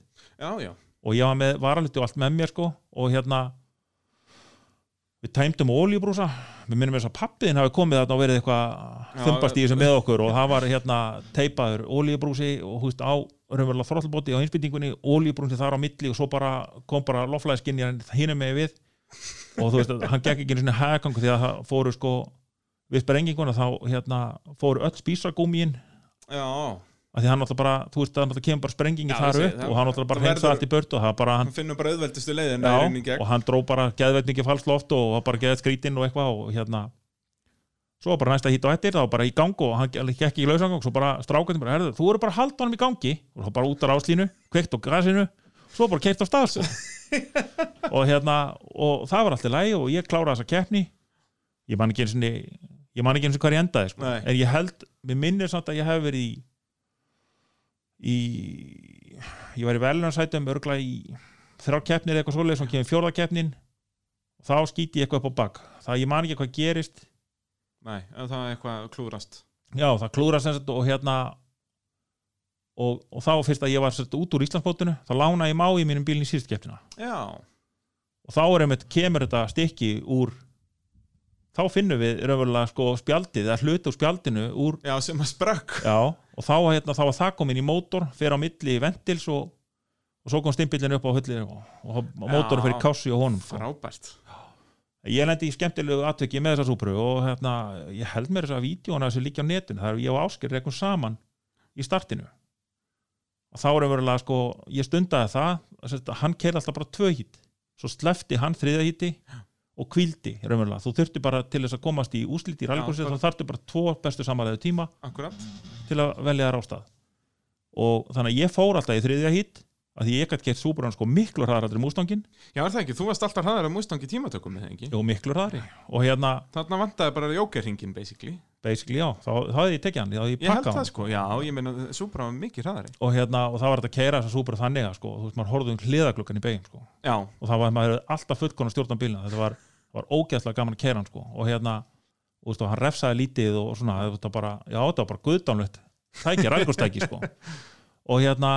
svona og ég hef svo lendi því að við fannum saman í startinu og það er uh, hann nær bara aðeins framfyrir mig, þannig að hann er kannski svona uh, hann er ekki, ekki bílningt fyrir fram mig, hann er, bara var svona svona rétt kannski Já, þannig að ég tók sko, uh, þarna þá tekið umlega stæði sem hann valdi sér alltaf. Þannig að þá hefði ég beina stefni onni fyrstu beina en hann þurfti þá að taka histæði við hliðina þannig að hann þurfti aðeins að beigja til hægri. Og þannig rekust við saman og hann snýst fram á mér. Alveg rétt, já þetta gerist ég, á, gerist ég þeim líka honum og sæmyndi sko. og hérna, en þannig að ég held áfram. Og svo keiri ég náttúrulega bara svo bankarengi sko. og hérna og Ásker hann lendir í ykkur klúðra þarna aftur og ég er alveg að ná honum. Ég er alveg að ringa og hérna, við erum að tala um það að hann er sko er að keiri í þriðasetti í keppninni. Og ég var bara verið búin að ringa hann sko. og hérna, þá var búið að smíða eitthvað svona shortshifter í í hérna súbrunni sko. Þannig að það var búið að breyta eitthvað onni í kassan sko þannig að ég var fann að feilskipta og, og, þetta var orðið eitthvað skrítið sko, en samt var ég alltaf að böðlast ég að skipta honum skiljum í staðin fyrir að hafa bara þriðagýr og keira bara. Já. af því að þú veist ég gæti alltaf gasa hann aðeins og þannig að Já, hann er öfurlega óð upp sko. og hérna en, svo lendi ég því bara í beinu baku pittin bara svona malbyggsbeigja sem byrjar afliðand og kreppist. Svona, já, já, að þar brýt ég gýrstöngina í hlutlusum ah, já, bara hefði ég komin með fyrsta gýr ég hefði getað klára, ég átti hálfan hinga eftir. Já, og varst með, þú veist, hringa á annarsætti eða eitthvað já. þá hefði ég geta, ég hefði unni keppnina þá hefði þótt ég hefði þetta keira restina hring, eh, restum hálfar hring í fyrsta gýr Já. ég var það var sko, ég var með innbortvél frá Bygga Braga. Einmitt, já, þarna var hann Og- að, og hérna, við minnir að batteríinu hafi klárast rétt á hann það gerist þarna var ég náttúrulega geðvikur Jú. og hérna, þeir sögðu það inn í peitt sko, þegar ég kom út úr bílnum og skellt honum bara á þessi verður aldrei ofnað aftur. Og hérna og svo- stýrið fekk aðeins að, að- að kenna á því allt, ég var alveg brjál ég held ég var búin að rífa allt upp úr gýrstönginu og, og allt, gúmíun allt í pörtu Já, reyna, reyna, reyna að koma sér í eitthvað gýr sko, bara bakkir, hvað sem er sko. Og hérna en svo þegar pappi kemur til mín og segir mér að djúvill munið að litla og það er náðu áskeri aftur. Þá vissi ég það bara, hann var í endalösu versin líka sko. Þannig að það svona róaði mig aðeins sko. Já. Og Sigurður Unsteinsson, hann kláraði þessa keppni í fyrsta seti og ég held að hann hafi ekki verið búin að gera sér grein fyrir að hann var búin að vinna keppnina fyrir að hann var komin inn í pitt og með byrjuð hérna, óskon til hamingju Nú, það er svoleiðis Já, það gekk svo mikið á að þetta var Já, þetta hvað, er þetta þá hvað? Fjórða eða fymta? Þetta er hvað, sennilega næst síðasta keppnin í já, Íslandsmótinu trúlega já. Og það ég held að Ásker nái samt að tryggja sér titilinn fyrir síðustu keppnina Og það þá lánar hann um byggja braga bílinn Eða það ekki það getur passað. Ég, ég mani þetta ekki nákvæmlega, en já, það getur alveg passað. Það, það er sem sagt partur af Íslandsmótinu. Þetta er þá í þriðju keppni sem að Það getur verið, já, eitthvað svoleiðis. Sko. Við skulum heyra hvað Birgir Þór Bragason sem var nú með motorsportþættina í mörg mörg já, mæti maður. Já, indislegt eindaka mannesku uh, Hann sem sagt fekk hennar Mustang lánaðan og svo að það sé alveg að reyna að Birgir Þór Bragason áður en hann byrjaði með þættina þá var hann alveg legend sem ökumæður þú veist, hann var mikið að keipi rally og rally crossi Já, kefti í Bretlandi í rally og allt sko, hann var engin, engin vittlisingur fyrir aftan stýrið. Nei, nei, nei, nei. en svona listan þessum ágæta Mustang. En hann hafði samt já, Já, en eins og þetta með Mustangi sko, hann sagði alltaf í þáttunum, hann var alltaf að tala um það sko, hvernig mætti keira betur og veist, hann, Já, hann var alltaf svona pínu að stöða menn með því að þú veist, hann alltaf hafði bara hugmyndur um hvernig þetta virka og gat alveg sagt mönnum Já, þú veist, hvað þið voru að gera vitlist sko. Algjörlega, algjörlega sko, Þannig að Þetta var hérna- náttúrulega, hann var svolítið líka að svara því sko, ég er alveg samanlega því Ásker var síndi pínu skeppnuskap með að sittandi stýra á þessu bíl sko. Það er svolítið þannig, við skulum heyra hvað Birgir hefði að segja Og það var margt nýtt sem að þurfti að læra um borði þessari bifreið. Bremsur sem voru mjög viðkvæmar, mátti valla till á þær, þá læst hann hjólum. Stýri eins og í amerískum bílum þar sem að maður finnur ekki nákvæmlega hvernig hjólinn snúa eða hvar þau eru. Og ein afdreiga ríkasta vittleysan sem að ég gerði undir stýri á þessum bíl var það að nota vinstri fótinn á bremsuna og, tí og í tíma og ótíma þá var ég að stíga bremsuna oftast með þeim afleiðingum að ég misti algjörlega stjórnina. Og þetta hlustaðir þú á og hugsaðir, heyrðu, þessi Supra er dref leðilega, ég ætla að kaupa hann Mustang uh, Nei, það var ekki þannig. Já, það, það segja sönnunagögnin Já, sko Ég er nefnilega hérna Selsúbruna og, og við eina ferðin enn þá kemur Vignir Rúnar og kaupir þetta Kaupir, já, helvitaða vignir. Helvita Vignir en hérna og ég ætla að taka með pásu. Já, eins og Þannig þú að- gera fyrir. 98 Þetta, þetta gekk allt mjög vel. Já, ég var alltaf að reyna að taka pásu. En Já. hérna, svo náttúrulega bara eins og hver hann að fíkill þá er þetta dálítið erfitt. Jú, og hérna og ég meira að segja fór í spónsana mín að tala við og fyrir Vignir. Þannig að hann er að fær súbruna og með velirðum frá þessum styrtaraðlum og allt svoleiðis. ok, já, geggja og 98 þegar ég er að keppa súbrunni og eða jafnvel 97 að þá er ég umverulega farin að keira mín tæki þannig að ég borgaði ekki reksturinn aðeins sjálfur. Já, þetta kom allt með að- styrkjum. Já, þú náðir að lá- láta þetta vera á núli já, já. en það var ég fann að reka heimili og allt þetta og þú veist að það var náttúrulega ekki til peninga fyrir því að gera þetta á samt hínu sko mann bara, var bara launamaður og, og, og átti ekki neitt þannig sko.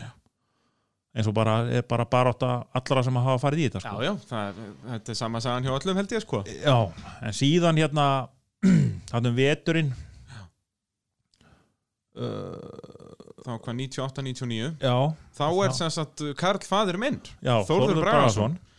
hann uh, eignast þennan Mustang og fer hann með byggamót Já, verður byggarmeistari verður byggamestar á honum og svo fer hann uh, bara setur hann bílinn í geimslu og eitthvað. Og svo hérna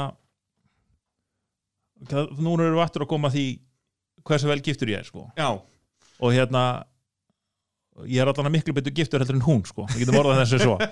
Að hérna, við kaupum okkur okkar fyrstu íbúð upp í Mósusbæ og hérna hluti af greiðslunni átt að vera Subaru bíl sem ég átti sem var eitthvað þá eitthvað, þú veist, eitthvað 5-600 þúsund konar bíl eða eitthvað. Og hérna ég hef aðeins glimt við það að vera kvartvís nýla fengið reynda greininga á því sko. Og hérna mér varst það miklu betri hugmynd að fara og tala við pappaðinn og láta hérna Subaru hann upp í mústangin auðvita og hérna pappiðinn hugsaði þetta eitthvað á að þá var hann eitthvað, þú veist, hann er náttúrulega alltaf verið mjög grönt á rallitellunni og honum sko. Jú, og hérna, þarna var hann komið augast að á einhverjum rallybíl, ég mann ekki hvaða bíl það var. Var það ekki þá eskortin bara bimbo? Þetta verið, ég held að Guli já, eskortin með já, vangin trúlega hann. Hugsa það. Og hann var búinn að semja mér eitthvað spons á mústangin og hann fengið að bara borga af hann inni. Nú, hvað var hann svona mikill business kall? er það, Ha?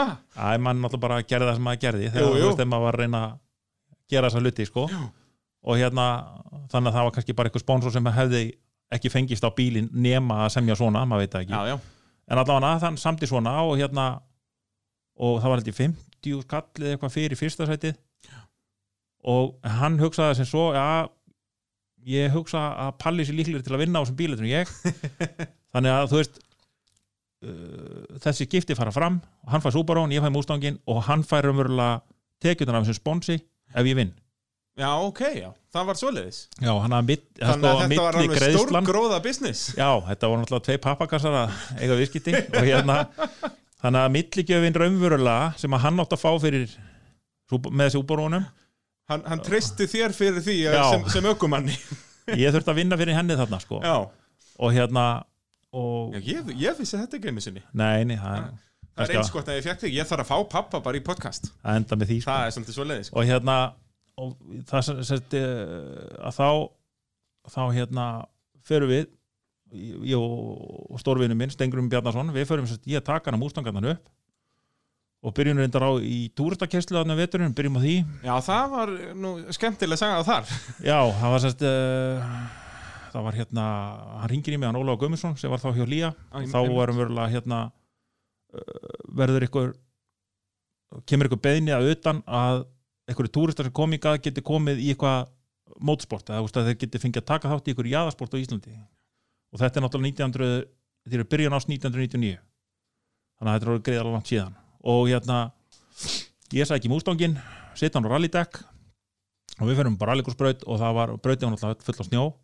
Nema það var svona, það var svona spór í gegnum hana, raunverulega bara svona ein lína í gegnum alla brautina. Já, bara bílbreytt Já, basically þannig að þú veist, það var alveg saman hvernig þú kerðir í gegnum brautina að þú veist, þú gast ekkert snúa honum en þetta hann alltaf bara hann bara dansaði bara á milli og hann raunverulega þú hjælst honum alltaf sko. Já. og hérna, og ég keiri það nokkra á að Mustangi var náttúrulega, þetta var þetta var náttúrulega hörku tæki á þessum tíma sko, því að þetta var það var mótorjús sem var 450 hestöfl og hann var raunverulega sannreindur á kvartmílubrautinni og skilaði raunverulega 400 hestöflum í hjól Já, þetta mók, hvað, hann fór alveg vel undir 12 eða ekki kvartmjöluna uh, hann fór 11.92 gaslös Já, gas, já, nákvæmlega. Og 11.3 á gasi og 250 stafla gasi hún líka. Já, þannig að þetta var hörku greið þetta var hörkutæki. Og hérna og vinslusviðið rosalega skemmtilegt í vélinu. Hún púlaði rosalega skemmtilega og já, þetta var bara þetta, þetta var algjört villidýr. Já. og hérna þarna sérst, og, og þetta var allt, allir bottilutur á þessum bíl og plasti. Og farþegahörðina var ekki hægt að opna innan, bara utan.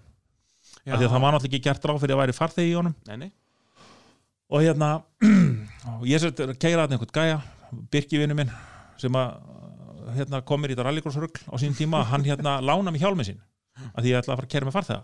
Já, til að láta fara þegar hann hafa já, einmitt. og hérna og ég sért keiri einhvern mann og hérna alltaf þegar ég gef í þá tekur hann einhverja svona kippi eins og svona, svona hræðslu kippi sko. þannig að hann alltaf bílni var alltaf bara keirður í einhverjum kippum og alveg bara vendarsendist að milli snjóskapla og því líkur látum sko og ég var búin að keira og við áttum að keira eitthvað svona eitthvað eitt, tvo ringi minni mig eða eitthvað svo leiðis með hvern og einn. Og svo þegar ég kem inn í pitt raunverulega inn á starkablan og stoppa að þá bara byrja gæna bara klóri hörðina og bara hamast þegar hann að komast út á bílnum og ennþá í beltónum og allt. Og svo kemur ykkur, opna fyrir hann farþagahörðina og þá byrja gæin byrja að reyna í ykkur óðagóta að reyna að reyðjast út á bílnum og í beltónum og allt. Og svo er hann að hjálpa að spenna, losa sér beltin og gæin bara út hann réttnar hans í hjálmunum og hann ældi bara þvílitt út í skapli sko. mér var þetta svo brjálaðast að fyndi og mitt mesta svekkelsi var það að hann náða sér hjálmunum að ég, hefði ekki viljað neitt frekar en hann hefði ældi hjálmun að spyrkir Líka lokaðir hjálmur, þetta hefði verið já, mjög þetta hefði verið sko. mjög fallegt sko. já, já, en þannig að hérna þarna byrjaði verið að músta um gæfintýri sko. já Og þið gerir hann flottan, hann málið hann uh, fagur bláan og hann er svoðin allir upp. Já, svoðin allur upp og setið á hann bimbo vanginn eða ekki, Jó, er þetta ekki er- sami vangur og var á við, ég tók móta honum hjá pappa hennum örgla Já, og uh, við sérst sjóðum hann allan upp við förum í gegnum allan bílinn raunverulega skiptum með dempara og förum, já, bara skveraður alveg. Hann var skveraðar allur, hann farið í mótorinn. Og hérna, og já og svo bara mætti fyrstu keppni og og, og þetta skilaði sínu, þú verður meistari þarna 99 já, en það leit nú ekki þannig útskali sér Nei, ég hérna, sérst, á þeim bíl þá hérna þurfti ég algjörlega að klára, eh, að- upp á nýtt læra að keyra upp á nýtt. Þarna var hérna ég komin að sjálfskiptan bíl af súbrunni af, ég, veist, kem náttúrulega bara af geðjökum keslibíl yfir á vonulösan keslibíl já þetta er Mustangin þetta er náttúrulega, já. Hann, hann var náttúrulega svo sem búið að vinna fullt í honum. Veist, og það voru komnar í hans beða spinnur og allt til að lækka hann og til þess að gera hann umverulega betri en, en, en þetta var þetta var algjörlega fráleitt aukutæki til að keppa í rallgúsi Já, þetta er bara amerist í húð Já, og hár og, og og ég var búin að þarna var hérna komið þarna apparat sem heitir Klía og þú veist þarna var komið komið miklu meiri peningur inn í motorsport. Þarna var komið auðlýsingaskilt út um allt og eitthvað og veist og ég var búin að keira niður helmingina þessum skiltum og rallikursbrutinni og, veist ég var með, ég var með allt gjörsanlega í viftunni sko. Af því að þessi bíl var náttúrulega sjálfskiptur en með svona manual kit í, í Já, skiptingunni ekki, þú þannig að gast farið milli, neltonum milli þrepa Já, og þegar í þeim gýr sem þú varst að keira hann skipti sér aldrei úr honum sjálfur. Þannig að þú þurftir alltaf að hann skipta honum. Já. og þegar þú skiptir honum niður þá bara bremsuð afturjólin Já, það bara þá fór hann bara í gýri fyrir neðan sko. og hérna þannig að hérna ég var bara í tómi klúri fyrst það keppnar algjör klúri Já.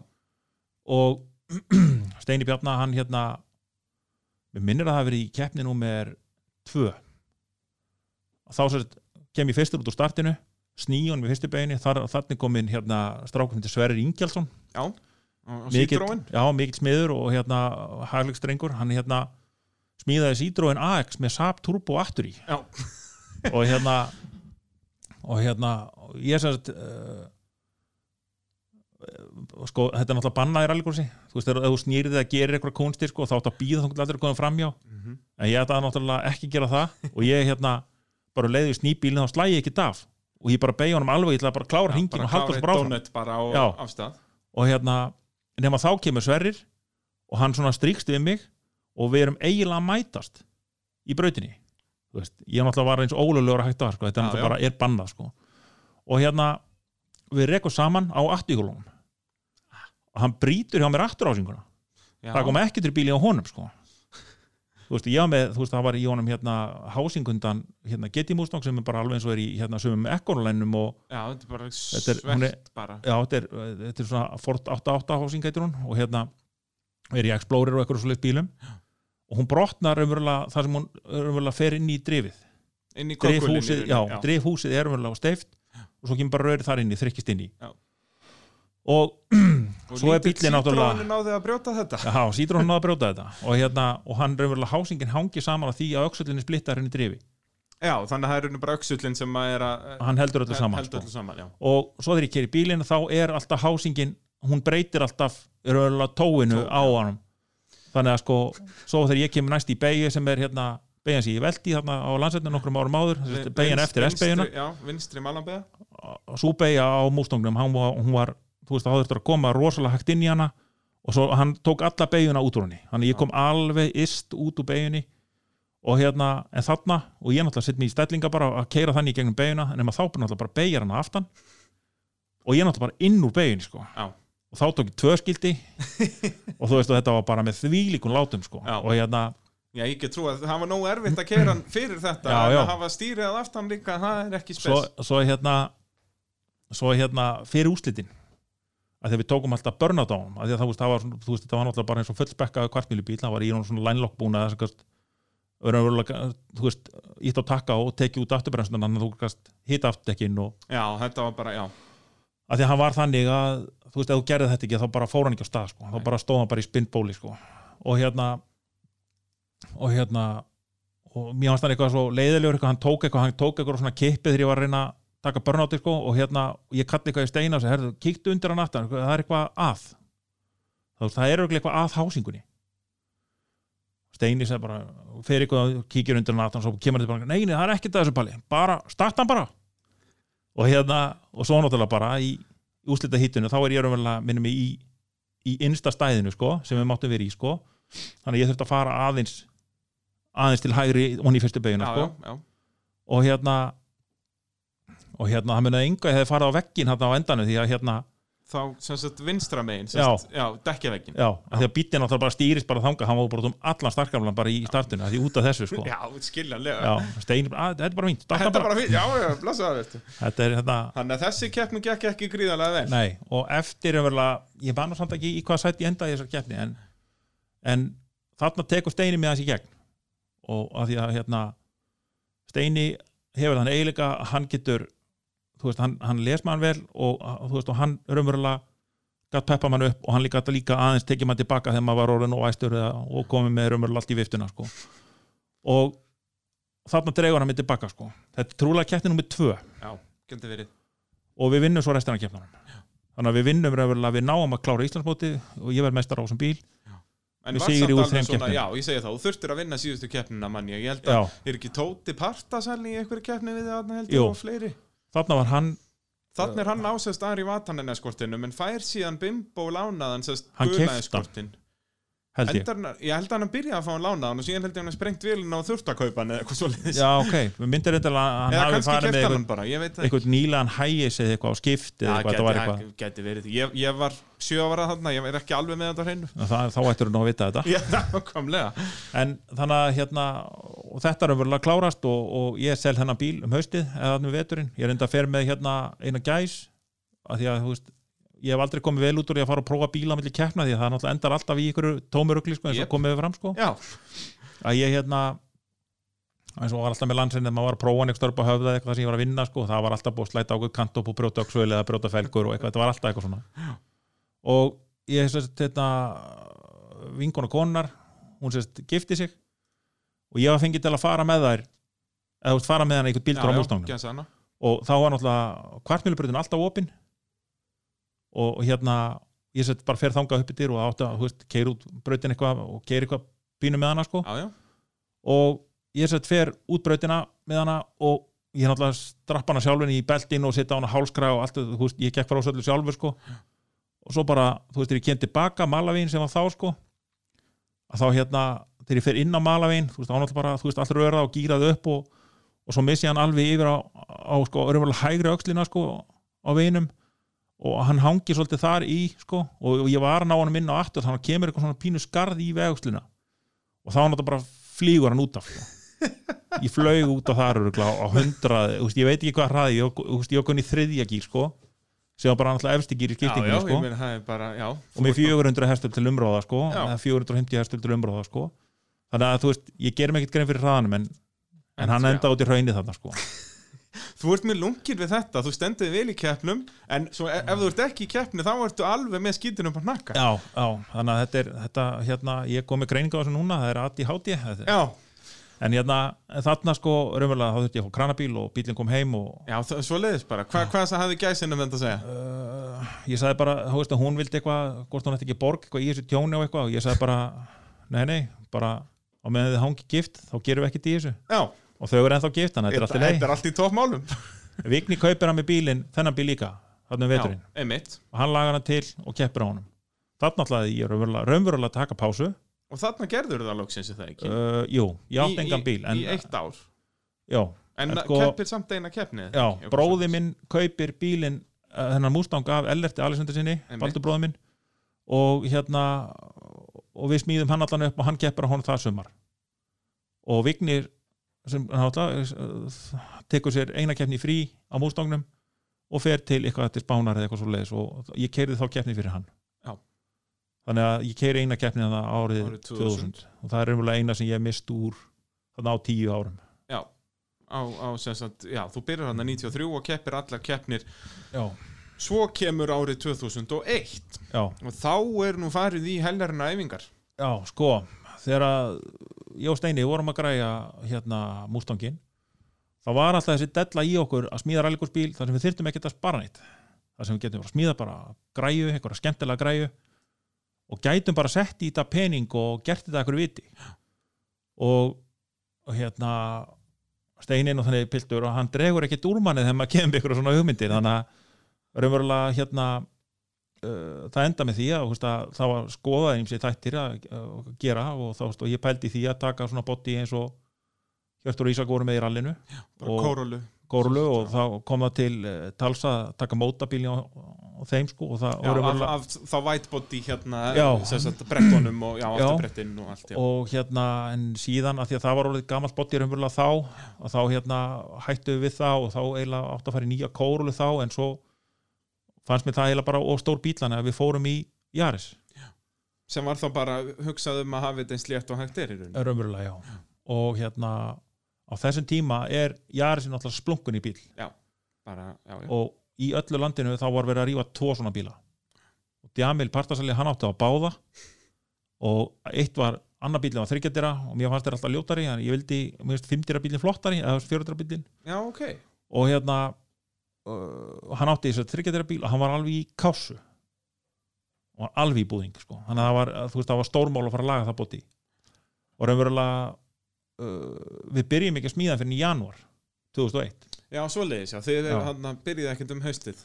Nei, málið var það sko ég ætlaði að fara í þetta en ég ætlaði að vera að koma með miljón kall í spóns áður ég myndi byrja að smíða. Já, af því að eina fyrir enn, þá áttu maður enga peninga. Já, já, og kom með, þú veist, íbúð og tvö börn og allt þetta sko og hérna þá er sett uh, nægið þessu, nánast. Og er komin í tæpa miljón í spóns.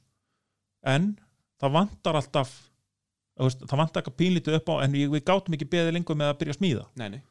Og hérna þannig að það er uh, Djamil, hann kemur og, og, og, veist, hann kemur með bíl til mín og ég rýf alltaf úr honum og rúfulega skil honum allir dótinu.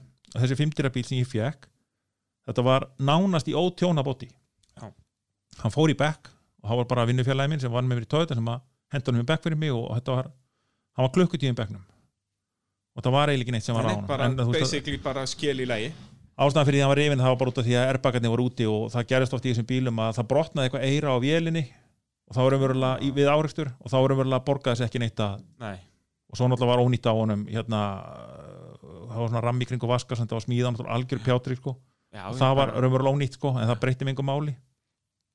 Og hérna við setjum í hann við sláturum svona 80 og hvað voru það 88-90 mótil af seliku sem var Sest- tekja lítra KTI framdrifsselika framtur í Selika, já, og við sláttur svoleiðis bíl og að því að við vorum alltaf bundnir að því að reglunda voru þannig að það mátti ekki breyta grindabitum en eitt í þessu flokki. Þessu Já. nýja tvöðusflokki sem við byggum til já, já, þarna er þetta loksins þessi rallycross flokkur er að hætta þarna basically þarna Já, koma í rallíkursflokkurinn breytist raunverulega í ofurflokk eða já. þannig að þar voru leiðir fjörhöldursbílar og raunverulega bara hvað sem er. var, ef við förum þá aðeins aftur semst í hvernig flokkaskiptingin var hann við höfum þennan krónuflokk sem var basically bara allt leift og 150.000 króna þak. Já, rallycross flokkur, var það bara þú máttir allt já, basically, já, það var allt leifilegt nema, nema að fjörhöldur var bannaða svona Já. framan af. ok, já, og síðan var teppaflokkurinn þarna sem var nú vinsall svona fyrst. Já. og var það hvað, bara þingdar þurftu þeir að vera ákveðið þungir, eða hvernig voru, virkaði það? Uh, það var þannig í rallíkursflokknum að hann mátti vera hann þurfti að vera innan við 1300 kíló á ráslínu.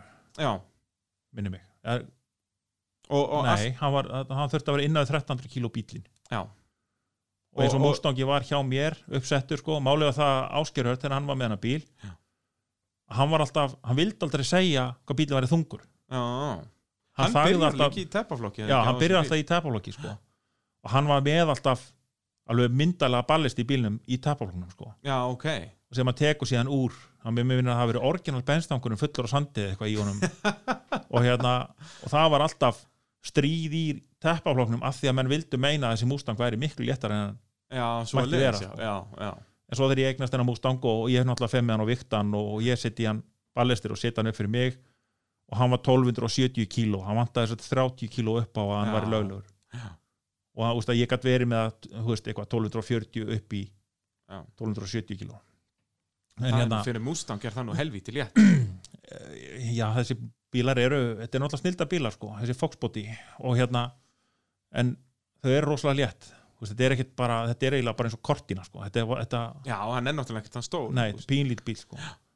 En þá aftur að Jarisnum Við kannski byrjum á að, að heyra frá þér um, um smíðina Þetta er nú sennilega 2002-2003 og þannig ertu búin að fara einhver tímabil á honum og Byggi Braga, okkar maður, kom í heimsókn í, skúrin já, Þessi bíl er náttúrulega tölvöld mikið frábröðin þessum orginal bílum vegna þess að það er búið að breyta fjöðrun í hann, hann er miklu stíður í fjöðrun í hann og það er að breyta stýrunni líka í honum, það eru færi hringir. Já, svo var það þessi öryggistáttur, það er nú ekki, ekki mikið meira. Dekkjabúnaður, hann er annar. Svo komið tvekja litra vél í hann, 16 ventla, Toyota vél, með 5 gera kassa, keppnislæsingu og sem ætti að skila í kringum 200 hestöflum. Það verður að skjóta í kringum 1500 stundir sem að liggja í þessu. Það var, fekk félagana mína með mér í stað í fyrra vettur eiginlega fórum út í skúr bara eftir jól og komum heim í, bara inn í, aftur í, í júni. Var það svolítið svoleiðis? Það var bara, Já, já, þeir voru var- bara út í skúr þetta var hérna ég er náttúrulega bjóð í Mórsbæði á þessum tíma Já. og stráku sem bjóð í hliðina mér sem heitir Karvel og hérna alveg ótrúlega lungin strákur og hann smíðaði með mér allt plastið og Já, það Það er var- náttúrulega hlutur sem ég fannst alveg geggjaður við innan bíl Já. að að það var allt úr plasti það var allir bótilitur úr plasti og raunverulega eina ástæðan fyrir því að við smíðum allt úr plasti það var raunverulega bara út af því að þetta var það nýlugu bíl og hann átt að fara í kontaktsport. Ég Já, sá ekki meinar, fyrir mér að ég hefði efnaði að gera hann út með einhverju metnað í útliti öðruvísina heldur en að smíða á hann bótilitina sko. Það er endar líka semst já, hinliðin góða við að gera allt úr plasti þá bara, já já, búum bara til þrjár hurðir af öllu og þá bara er það til. Já, en sko og, og það, þetta var, já, já, þetta var gert og hérna og svo það náttúrulega bara, þú veist að kom í hann þessari tveggja litra vél og það allt þetta var, þetta leifði ekki neitt sko. Með þess að þú lagði þér alveg áhandi vinstri og þá sko nuttaði hjólið sko framtekja á hann, það nuttaði sko fimmtakýrs sko lokið á girkasanum Það er svoleiðis, þetta Já. var bara að hafa verið að nota hvern einasta millimeter. Já, já, mér minnir að þú veist til að opna tímareima Unity og það, þetta vél náttúrulega að fara úr hún sko. Já, og það var bara eitt sem var rosalega leiðilegt að eiga við það var að taka úr hún í gírkassan og það var það eina sem ég þurfti að gera alltaf þegar ég var að keppa á hann það fór það hérna bilaði alltaf mikið í hún í gírkassin En þetta, ég nefnilega elska svo mikið sko hvernig þið smíðuður en bíl út að þetta er öfugt miða við hvernig flest allir fólksbílar í motorsportur er smíðaðir að þá ertu byrjaður með bíl og rífur allt úr honum. Þarna byrjaði bara með skél já, og seti bara það sem þið þurfið í bílinn. Já, já, og það, þú veist, og allt rafkerfi og allt var bara eins minimalist og það verður. Já, já, það var bara öðrumverulega það var í honum hérna sko ég notaði innspýtingun og það allt frá tekjulitra vélinni og það var öðrumverulega ekki hægt að fá neitt standalón eða neitt á þessum tíma og þú veist og, og þú veist og það náttúrulega bara voru bara hluti sem bara, þú veist það sem var til það kostaði brjálaða peninga og raunverulega engin þekking á Íslandi til þess að setja þetta upp og stilla þetta og eitthvað svoleið sko. Þannig að ég var alltaf með orginal tölvuna og, og ég tók sérst uh, rafkerfið og ég satt út í skúr bara á kolli örgli í tvo daga að klippa úr því það sem ég þurfti ekki. klippa víra. Já. Og hérna þannig að við vorum bara með, bara með það sem þurfti. Og hérna en svo náttúrulega, þú veist, var ég bara með mælaborð úr seliku í honum Já, Þannig- erum bara að mæla klösturinn Já, já. ekki, þess að það var ekkert þú Nei, horfði það bara á kvalbækin já það, var, já, það var bara, neða ég notaði sko klöstrið og svo notaði ég panelin líka til, Já. yfir, en það var allt opið undir það var engin miðstöð í honum eða neitt sko. Nei, nei, bara allt sem þarf ekki já, var, þetta var svoleið sko. og og líka svona svín virkaði bara strax á fyrstu keppni eða ekki? Jó, við vorum satt í basli. Ég er náttúrulega hérna bílinn fer á sportbílasýninguna fyrir sísonið og hérna frúið mér var aðeins svona leið á þessu sko því að hérna ég náttúrulega var aldrei inni eða aldrei Nei, heima eða, og hérna ef ég var ekki út í skúr að smíða eitthvað þá var ég annarkvæmt í vinnunni eða þá að ég var eitthvað starf litað meira sponsi sko. Já, og hérna ég man að ég hérna í það var eitthvað hérna, ég man ekki hvað fyrirtæki hétt sem var með umbóð fyrir kastrólóljur ég vildi fá þá með mér bara út af því að mér fannst lúkið á Vaffer Sékorólinu svo flott jep. að ég vildi fá það lúk á bílinn. Og hann sagði við mig bara fyrst bara nei. Og hérna, hann vildi ekki sponsa þetta og hérna og ég sé eitthvað hjá honum að hann eitthvað hafi verið að fylgja, var eitthvað í Formule 1 og hérna, og ég fer eitthvað, við fyrir eitthvað að spjalla um það og hérna og hérna, og við erum bara búin að spjalla bara í hálftíma eitthvað, þá allt í henni kemur herðu, nei, hérna, ég ætla að vera með þér í þessu. Já ok Þú við náðu snúanum hann það? Já, en ég var nú hættur að reyna það, sko. Já. við vorum bara aðeins að spjalla ári í fór, sko. Þannig að hann var með og hérna og hérna, þannig að bílinn fekk þetta lúk, Já, sko hann var líka helviti töf já, já, hann var flottur, sko, ég var mjög ánægð með hann. Og hérna, ef við lendum í basli í fyrstu keppni, það var nú eiginlega bara uh, fyrir mitt klúður, raunverulega. Og það bara glemdist uh, það var svona uppengja á öðrum framvöxlunum það glemdist að hún satt í stýringu en það glemdist boltanir í hana. Glemdist að setja Ah. boltan í. Og það var mitt klúður sko. Já. Og en að það eins og þegar hann fer á sportbílasýninguna þá var ég búin að vera vakandi í fimm daga að koma hann þangað. Og frúi mín eitthvað onni leið og, og ég sagði hann, herr, þetta er bara bíli fer á sýningu. Þá er hann í burtu alla helgina.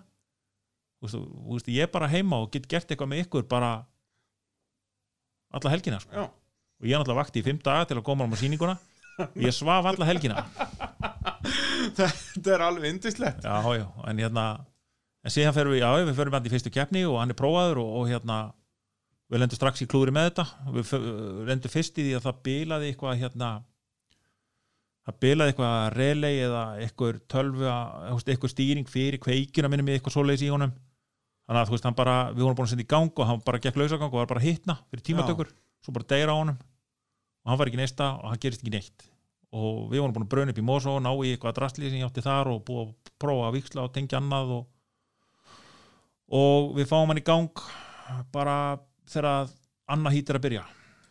Þá fyrir ég annað hít og þá gerist það með öxlana og þá er þetta bara, herði, þetta er bara fínt fyrir heim og, hérna, og við lögum þetta sem var að og við hjólastillum hann almennilega og við unnum restina af keppnunum það sumarið, þannig að við unnum sérst þrjár keppnir nei jú, unnum þrjár keppnir og við endum einu sinni öðru seti Já, já. Veistu, og ég, ég man ekki að klikkaði hvað klikkaði þá, þá var eitthvað, eitthvað feilskipting eða eitthvað. Já, en það er svo að bíllinn virkaði mjög vel þetta Já. var alveg Já. bara draumir í dós þannig séð alveg svo teinum, alltaf og aldrei, þú veist, var að, aldrei eitthvað kunst að keira, veist, ég held að ég held að, að það hefði bara hver sem ekki að kert hennar bílarna, sko. Þetta er líka mjög áhugaverður sko ef maður horfir á þessi hvað er þetta, svona sex ára tímabil sem þú ert mestari annarkvert ár á eins mismunandi bílum og mögulega hægt er Við erum já, að tala um 80 ár gera Mitsubishi Lancer já, Ford Mustang Fox Body og Toyota Yaris. Já. Máli var það, sko, þegar hérna sko, ég fæ dellu fyrir framdýrsbílum líklega 97 og þá hérna þá átti ég og frúi mín uh, Galant, forláta Galant Já. 86 mótel eða 7 eða eitthvað. Og hérna ég stendst ekki mátið eftir einhverja keppni eftir einhverja æfingu eða eitthvað, ég prófa hann í brautinni bara heimilisbílin Já, og hérna og það tekur eitthvað tíma á mér. Og hérna þetta var bara beinskiptu tekja litra galant, bara stæðstu gerð sko.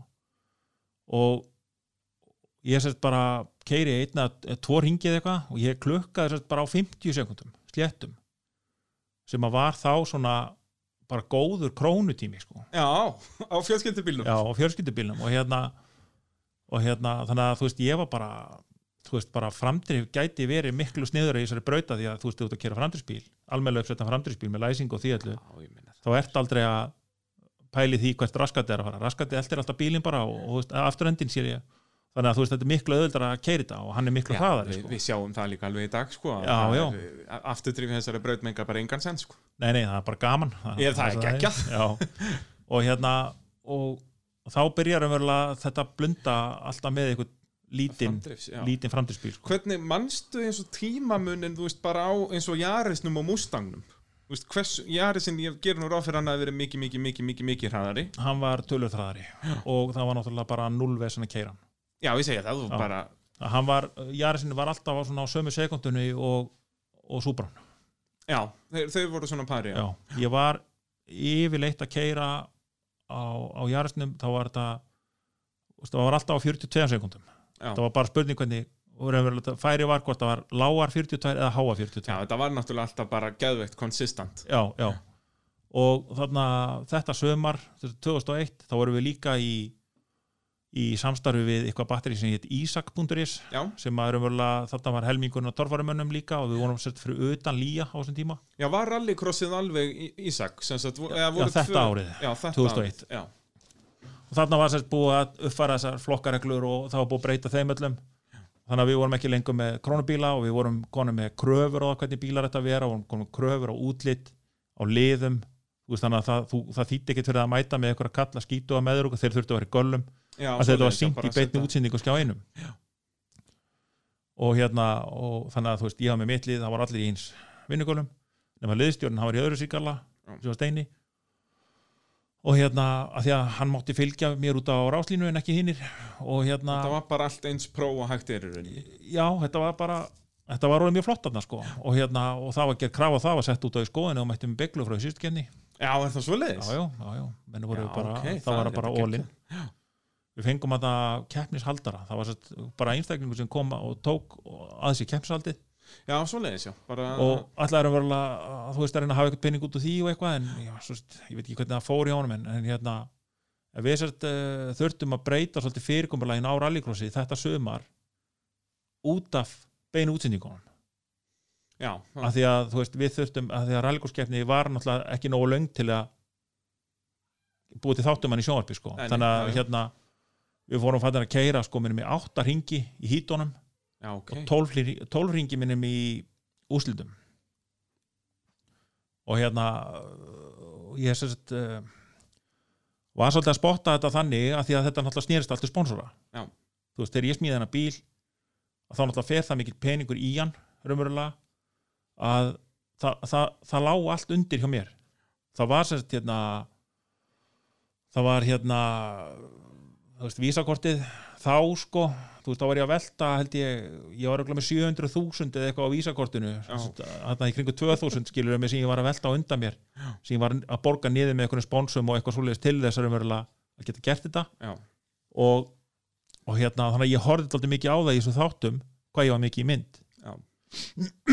Og hérna og hérna og í, og í þessum hérna þáttum sérst þarna þegar ég fann að geta beitt bílinum og keiran að þá dætti ég svo mikið úr mynd af því ég var farin að ég var farin að byggja svo mikið fórskot já og það reyðlega voru ekki svo langir og það meiri þess að hérna uh, þú veist þegar það virkilega að tekja á bílinu þá gæti ég tekið sekund og ring af næsta bíl Já, og þá náttúrulega varst ekkert í mynd lengur Nei. en það nefndi enginn að vera með myndavel bara á einum Nei. bíl í staðin fyrir að vera í slagnum með mannasendið Já, þannig að þá var farið að sko,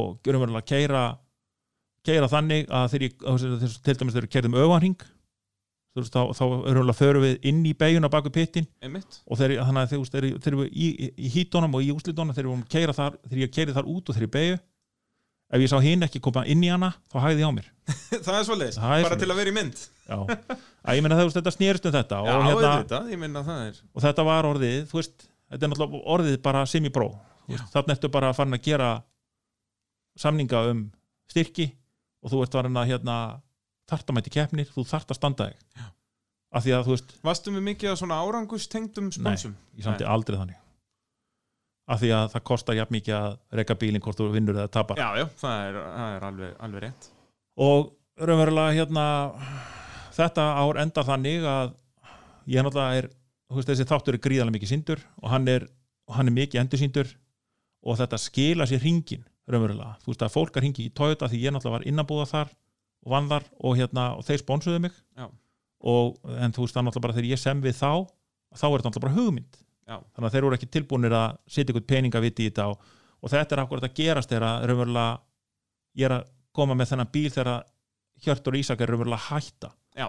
ástæðan fyrir því að raunverulega Toyota hættir að sponsa motorsport eins og, eins og hérna þá og, og þú veist og þeir voru treyir við mig það voru af því að Toyota var að fara í Formule 1 Já. og það fór allt effort í það Já. og það þýtti ekkert fyrir einhver díler á Íslandi ætla að segja eitthvað annað þú veist, hann átti bara að taka þátt í því þannig að það var bara ákveðið mikið að því markasfýr sem Toyota í Kópói áttu eða PSA Málsson þá að það átti bara að fara í Formule 1 Já. þannig að þeir raunverulega síndu mér gúttvil út af því að ég var starfsmæður líka Já. að þá sponsuðu mér ö, þeir mig og hérna og hérna, og þannig að eftir þetta síðan þá var búið að sína þetta svo ofta og búið að sína þetta svo mikið að það endaði þannig að sömur sem sponsum sem voru á bílnum þeir borguðu meira Já, og eitthvað. og þú veist þannig að veist, ég, þetta var, þetta gerði sig alveg sko. Og hérna þannig að ég var ekki með Þú varst ekki komin í, í tómt tjón peningalega sér uh, jú, en samt ekki þannig eins og það hefði getið verið sko. en hérna en þú veist þannig að ég var fram í desember veist, það árið sko, í tómi basli að borga skilur um mig. Já, en síðan náttúrulega bara kom næsta ár og þá varum verulega að þetta gekk svo vel árað undan þá voru menn tilbúin að vera með og borguðu meira sko. En hvað, þetta 2001, er það þá bara eitthvað flottasta ári í rallycrossið ever bara?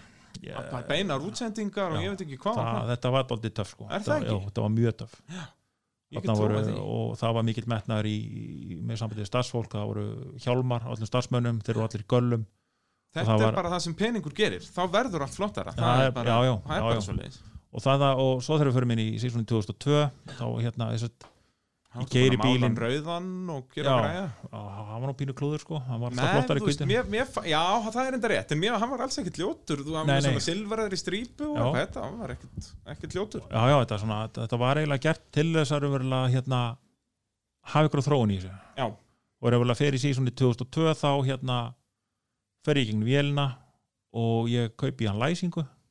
Já varstu ekki með læsingu 2001 uh, hann var svoðin á framann Já, svo var það bannað kaupir- árið á eftir minni mig.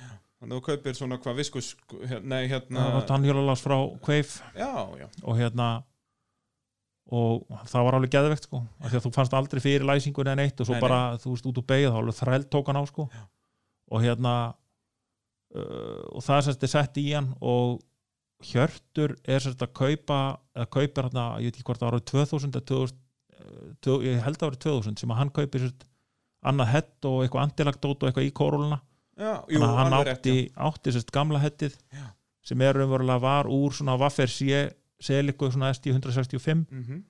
og ég sérst kaupi þetta dót allt af honum Já, svoleiðis og hérna og hérna og svo höfðu við samband við eitthvað vélakall í Bretlandi sem höfðu sérst verið að hjálpa þeim Já. og, og spurðum hann hú veist hvernig var best að tíma þetta inn og hérna að því að þetta var með stillalegum tímahjólum og öllu þessu dóti sko. Og hérna hann segir okkur það, gefur upp okkur ykkur gráður bæði á indagsásinn og, og út ásinn sko og hérna.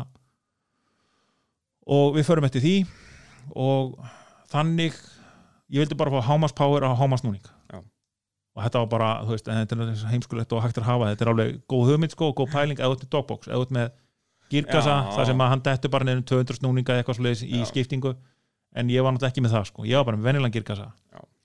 þannig að sko vélinn, hún byrjaði í 5000 snúningum þá veina hún upp sko Já. og hún bara, hún vaknaði, þetta var eins og páubandi tústrók sko, þetta Já, var, þetta var bara dálítið- allt uppi í raun Já, já, hann bara, og þú veist, og það bara um leið hann í, ég man ekki 5.000 eða 5.500 og bara datt hann í úslátt, sko, sem var í eitthvað 7, 6, 7, 8 eða eitthvað svo leiðis.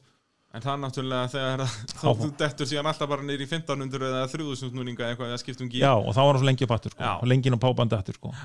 Og hérna, þetta, þetta voru mistök, en, en þú veist, þetta, En Og ég meina þú- þetta þræl virkaði samt Ég meina þú Já, já. aftur meistari þengi jú, 2002 ég vinn alla keppnir ásins 2002. Já Og, þá er umverulega, sko, maður sér það alltaf, þú veist, eða sá það alltaf á því, þú veist, að maður var að keppa við aðra bíla.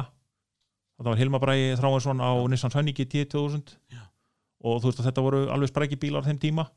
En þú veist að við vorum alltaf jafnir í fyrsta gýr en svo var það, þú veist, þegar þú veist, eða, þú veist þegar bílinn hjá mér að taka annað gýr og hann er dettin á pábandi aftur, þá erum við jafnir og svo bara bye, bye. hoppa hann bara fram á sko, já. Já, og það voru fleiri góður þarna líka, Kristinn Sveinsson og, og fleiri, það, þú veist, þetta var mjög skemmtilegt sömar sko, voru margir sprækir þarna sko. Og hérna, en við vinnum það sömar alla keppnir og við verið að lokum Íslandsmóttunum með þessast fullúsi stiga þá í annarskipti sem að ég gerði það. Já. og hérna og þarna var ég búin að keira tíu sísón raunverulega í rallycrossi þannig að þetta var bara orðið fínt að hætti þessu. En það ekki? Og þarna vildi ég selja bílinn. En hérna en hérna máu minn sem að hefði hjálpað mér mikið og hérna eiginmaður sýsti minnar að hérna hann var alltaf, alltaf með mér í kringum þetta og vissast í þessu og hérna að ég let hann keira 2003 Já, alveg heilt tímabil. Já og hann alltaf beitti bílinu bara alveg eins og bara að því að bílinn var til sölu og þá þú veist það er verulega að leta hann aldrei hafa það sko en Nei. hann klárar í öðru sætti í Íslandsmóti það ár og Hilmar vinnur hann sko. Já, og hérna og síðan náttúrulega raunverulega eftir þetta ár 2003 þá leggst rallycross af Já það er ekkert rallycrossan 2004 eða? Nei, Og svo bara byrjar það ekkert fyrir 2008 minni mig. Það er rétt, það fer alltaf á, á hliðina þarna. Já, þetta er náttúrulega það var verið að berjast við eigna haldið á brautinni. Já. það er náttúrulega eru þarna nokkri menn sem að starta þessu. Þú veist það það þurfti náttúrulega hugsunarmenn í að búið til þessu braut sko. Algjörlega. Og hérna og þetta voru uh, Guðbergur Guðbergsson, Einar í Eti Hjólbara Hallabræður Hlöða Gunnarsson, Karl Gunnlaugsson og ykkur fleiri sem að byrja Jó, Jónis Halldónsson sjálfsögðu Já. sáli og hérna og svo dettur hann út hann er í slísið þarna Eiginlega á sama þarna tíma. bara, Já, eiginlega, þannig að Hvað brautin okna 91 Já. Hann deyr eitthvað um það leitið eða ekki það. og hann hérna ég held ég held að hann hafi raunverulega verið driffjöðurinn í þessu Já, það er hann hafi fengið landið og, og, og svona og þetta var unnit aldrei mikið í gegnum BKR og, en þessir menn lögðu náttúrulega fram eitthvað pening í þetta og þeir lögðu náttúrulega fram gríðalega vinnu Já, og sem að verður náttúrulega ekki tekið að þeim Þú veist, þetta, í mínum vegum er þetta mikli meistarar Já, að hafa meina- framreitt þetta og Ég segi það, rallycross væri ekkert eins á Íslandi ef þessi braut hefði ekki orðið veruleika sko. ef, veist, við höfðum ekki rallycross ef við höfðum ekki þessa braut sko. það er bara þetta bara bílkross í einhverjum grefjum Já. eins og þetta var fyrir já, sko. raunverulega sko. og hérna, en þetta fesast í þann fasa að þeir það er eiginlega allir komnir út úr þessu nema Guðbergur og einar í eti og þeir eru semst alltaf að leiða okkur brautina. Og þetta var alltaf, þú veist, leiga var svo há á þessu, þetta var svo dýrt. Að þetta bar sig aldrei. Já. og, þú veist, og það var eiginlega aldrei að því að þetta var ekki þú veist, jú, þeir eru svo sem voru alveg greiðvikni með þetta en þetta var bara dýrt og við vorum að borga háa leigu. Til þess að þetta verður þetta gatt gengið þannig að það var bara miklu betra að slá þetta bara úr borðinu og svo erum við að enda þetta með uh, hallabildingu inn í rallykursklubnu sem að raunverulega þeir voru með brautin í.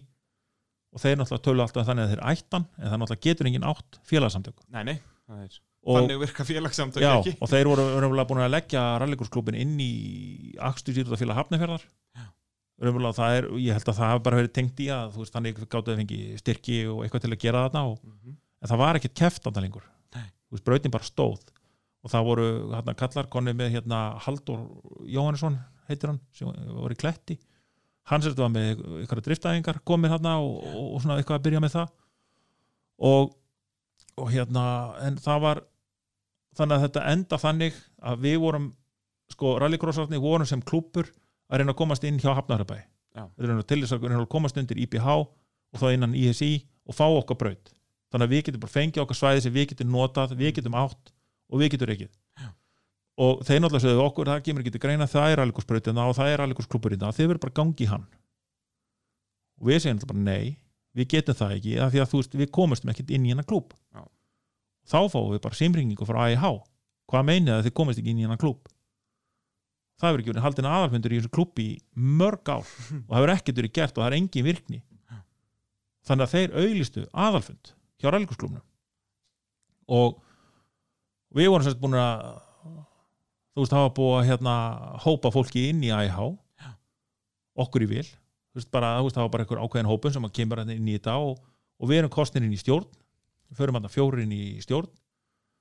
Sérst ég, Gunnar Bjarnason Gunnar Hjálmarsson og Hilmar Þránsson og og þetta sérst, þarna fer á stað stríð.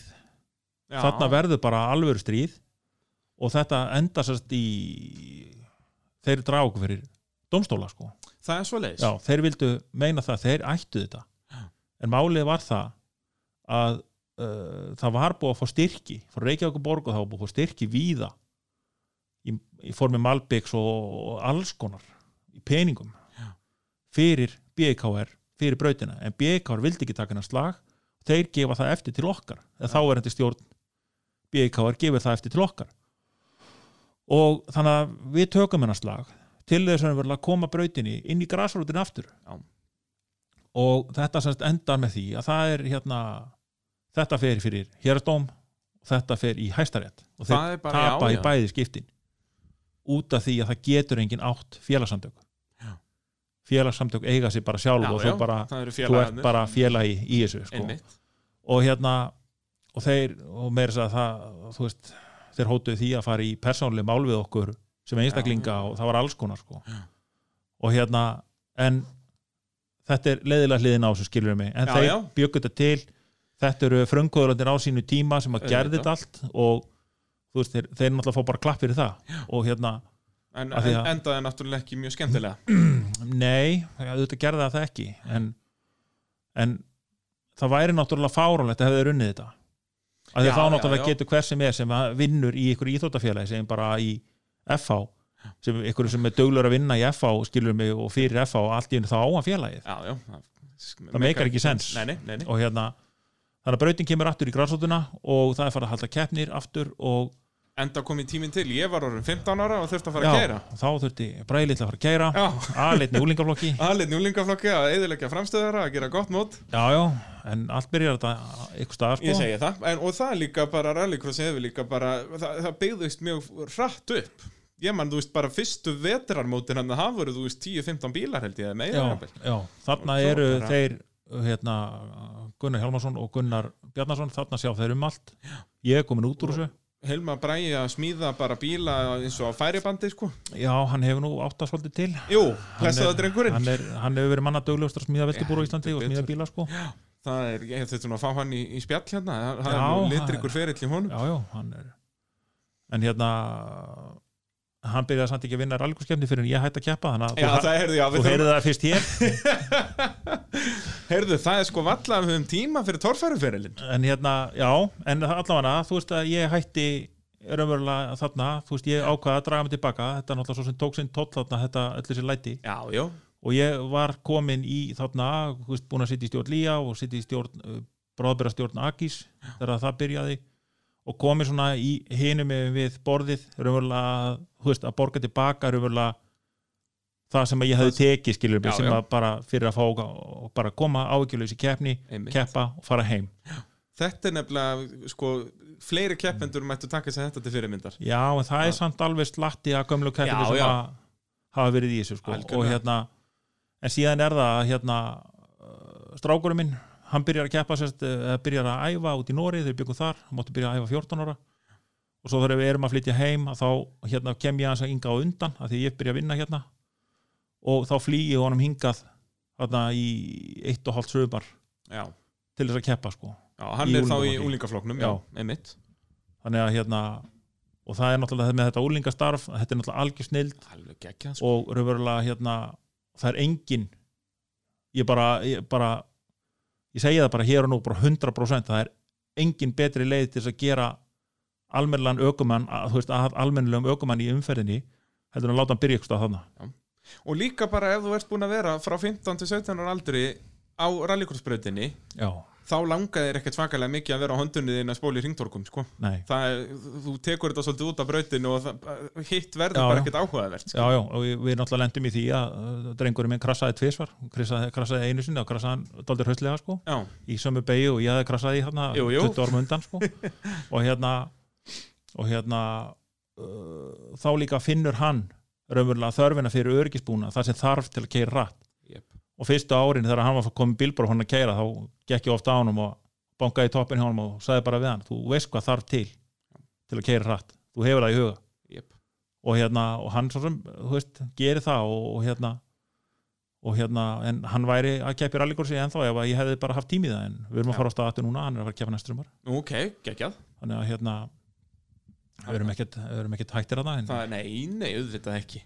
Svo, Allt að gerast. Já, já, en svo kefti ég nú gamla jari sem er nattur um daginn líka. Já, það er svo leiðis já, já, Já, ég ætla að eiga svona, sem gamla, gamla manna bíl til Ætlarðu að nota á, á malbyggsbrautunum og eitthvað sko. Já, þú er það náttúrulega bara kappaksturinn er, er að koma sterkur inn á Íslandi Brautarakstur bara. Já, já, hann er að koma sterkur inn sko. Og hérna og sko ég er ekkert endilega að fara að keppa þetta er nú bara til að Já, já, bara mæta, er ekki alltaf að verða æfingar jú, vikulega jú, það þeir eru alltaf með opið á miðvikudögum minnum mig og svo náttúrulega höfum við verið með æfingar líka bara alíkursbraut, þú veist, malbyggsæfingar og þetta og þú veist, það er bara til að geta verið þar sko. Í hvaða standi er Jarisinn? hann er bara, Bara hann er í nokkuð fínu standi ég fekk að vélalausan, þannig að ég er svona er að, aðeins að vinna í því, geggjað dólarin er búin að hrapa svolítið mikið núna út af Jú. þessu veiri ástandi sko, þannig að er svona, ég þarf aðeins að býða með það. Uh, Eigum við að fara þá stutt yfir torfærufyrirlin? Já, Það, við verum að hafa þetta ör stutt og hnitmiðað. Nei, nei, það er, það er, þetta er ekki línuleg dagskrá hér. Við Nei. getum bladrað alveg í marga, marga daga. Já, já, það er, það er svo íst svo leið það er, fólk ræðu hvað hann ennir að hlusta lengi Ég segi það, það kannski er einhver búinn að slökka á okkur nú þegar. Það er bara það, er flott hjá þeim. Já, ég var nú, þegar ég hlustaði nú á hérna Palla og, og, Hjört og þá og hlustaði á þess að þætti og með sigur bara, nei, hérna, hann hérna Áskir og ásker og þá sko. Ég var nú alveg jafnspendur frá því ég kveikti og þangur til að Já, það búið sko. þakka ég kærlega fyrir það, það Þetta- Palli er náttúrulega, þú ert mikill aðdáðandi mótovarpsins Já, ég er náttúrulega, ég hlusta, ég hlusta á alla þætti sko. Það það er frábært að heyra. Uh, Þú hefur alltaf elskað Villisa Já, Þú, þú fættist með þá, þá veiki. Flöt frá blötu basminni Já. og erum verið í öllum myndmenta tímum í grunnskóla þá tegnaði ég ekkert nema Villisa Já, og þetta, þannig að þetta er búið að vera svona hálgett blæti. Og hérna og já, þú hérna, áttir fullt af villisum og, og en ákveður ekki að keppi torfæru fyrir 2007 Sko, þetta byrjar með því að ég átti ekki villiseppa þegar ég byrja að kippa í torfaru. Já, Það var náttúrulega búið að láta hann fara í íbúðakaupum og eitthvað svona og, einhverju þvæl einhverju eiginlega er þetta? Og hérna, en uh, ég saknaði þess alltaf að hafa jeppa í jeppakefnum. Það væru líka bílar á vennilegum dekkjum. Mér varst alltaf að vanta erumverulega inn í torfarinu að það væri fleiri þrepin í sportið heldur en að fara bara í dýrasta klassan sko. Þú veist að, þú veist að þetta, þetta er bæði það að veist, leiðin í sportið er lengri og erfiðari eða þú ætlar að fara þá leið. Þú veist, og hefur náttúrulega lengi leið til þess að prófa þetta nei. Og þannig að hérna uh, ég og Steini Bjarnar vorum náttúrulega báðir mjög sammála þessu og margótt búin að ræða þetta. Og við erum verulega komið þeirri vinnu í gang 2005 að við byggum til sko, ég Steini og Rólfur Átni Borgarsson sem er nú gammal torfarakefandi Já, já, að við setjum saman reglur skrifum reglur og þá svona með gömlu reglum til hliðisjónar fyrir götubíla Fyrir götubílaflokk. og, Og- hann byrjar ekki fyrir um hvað, 2006? 2006 þá Hann byrjar að keppa 2006, já. Við keirum raunverulega heilt sísón 2006 þá er það uh, þú veist við náttúrulega bara stóðum við það sem við vorum að gera ég og Steini og stundum mættu við tveir og stundum voru við þrýr og stundum voru fimm bílar skilur mig og, og hérna en það var svo sem engin grindur Íslandsmeistar eftir þetta sömar því þetta náttúrulega kannski gilt ekki. Já, svoleiðis, já, það voru, voru stundum það fáir og Já, svoleiðis, já, einmitt. Og hérna 2007 þá erum verulega þá vangast það, þá kemur hérna inn í þetta Hlinu Sigursson sem að vann með mér í Toyota og Hilux Það var mjög flott. Já, já, flottu bíl sko. líka, og flottu dræfi líka. Og bara líka gaman að sjá götubíl, þú veist, ekki Já. bara herjappa, sko. Já, og hérna eh, þú veist, en Willi sem hinn var svo sem ekkert eitthvað merkilegu bíl sko, þetta var bara venjulegu Willi seppi með bara einhverja áttasindra vél og sem að vann ekki á móti vindi skilum nefnum bara í lágadreifinu sko, þannig Já, að ok. þá keirði hann bara þannig og, Og já, kerði líka alltaf svona svolítið þétt eða ekki? Og þú fórt svolítið hrætt í gegnum breytunar Jó, en þú þarft þess á gödubíl sko, því að þú hefur ekkert grip. Nei, þú getur ekki stoppað þeim í Nei, brekku. þannig að þú þarft að hafa raunverulega vera búin að miða og það þarft svolítið að gera þannig sko. Sem að mér finnst gera þetta alltaf skemmtilegt út af því að þú að því að eins og á þessu bíla þá, þá, þá getur nánast í stoppa og tekið á stað eiginlega hvar sem er og hvernig sem er. En í hinu getur það ekki Það, Maggi sig einmitt uh, talaði mjög skemmtilega um þetta þegar hann náttúrulega byrjar á súkunni þarna Já, að hvernig þú verður að vera búin að plana það alveg já, tíu metra áður en þú Já. kemur að staðnum hvernig þú ætlar að keira þetta já, sko. og það er náttúrulega eins og bara, þú veist, ég gerði alltaf í brautaskoðun og svo leiðis að þá hérna skoðaði ég alltaf brautir, bróðum mig var alltaf með mér, Baldur að hérna, þú veist, við skoðum alltaf brautir svo löpum við tilbaka og við Já. skoðum þar aftur bara tveir þú veist, þannig að við vorum búnir að taka línundan það sem við vildum keira og svo þurfti bara, þú veist, var bara keirt eftir því sko, Já. og hérna og það, þú veist, mér finnst göttubílflokkurinn skemmtilegur að þessu leiti, þetta eru miklu einfaldari bílar, þetta eru miklu ódýrari bílar heldur en hitt. Já, já, og þú ert eh, nánast í aldrei í einhverju dekja hallar eða vesin eða neitt að rýfur ekkert gat og dekk. Þú veist, ég til dæmis uh, fekk, var með gömul dekk frá bróðum mínum sko, 38 og hálftómut sko, sem er ekki einu sinni radialdekk sko. ég kæft alltaf á þeim og þú veist ég affelgaði ekki einu sinni, ég reyf ekki gata á þetta eða neitt sko, Já. í þrjú eða fjögur ár sem ég kæft á þeim sko. já, og en, en já, 2007 þá hérna erum við þú veist, þá hefur svona búið að slíta eins baskonum í þessu, búið að brjóta fullt af alls konar drastli og eitthvað og, og hérna ég vinn mín á fyrstu keppni á Akureyri það, það ári sko og hérna það sömarið þá var steinin og ykkur basli líka og, og hérna hlinur náttúrulega alltaf að vera skæðar og skæðari sko. En ég þetta að vinna Íslandsmeistaratitil 2007 en ég missi út eina keppni samt. Já á hvað, blöndósið þetta ekki? Á Blöndósi, þá fer bróður minn og keppir hann, heldur betur, það var kompakja honum hann kefti síðast í Toffaru 1986 þannig að hann, já hann myndi allt nákvæmlega hvernig Þetta, já, var er það ekki, er það allt, allt, allt það sama. En hann hafði þó keft áður, sko, ég Já. ætlaði nefnilega út að hann vinnur þessa keppni hann á Blöndósi, Já, ólsegur gert Já, en það er nefnilega, já, ég ætla að spyrja það úti sko, hvort hann það var eina keppni sem hann kefti sko, hvort hann, ég vildi smíða hann bíl sko. já, þarna, bara þegar hann var heitur og þá vildi ég smíða hann bíl og hann myndi bara keppa honum. Já. Að að engum máli af því að sko, ég egnaðist vörubíl og, og var með þetta drastli í honum sko. Það breytt engum máli hvort það var kerrattan í honum eða ekki skilur Nei, nei, nei, við hefðum alveg getað komið tvo bíla sko. ekki málið og hérna uh, hann keiri þá keppni og meðan ég er á Spáni og hérna en svo náum við að loka raunverulega með sigri í hinu keppninu líka sko.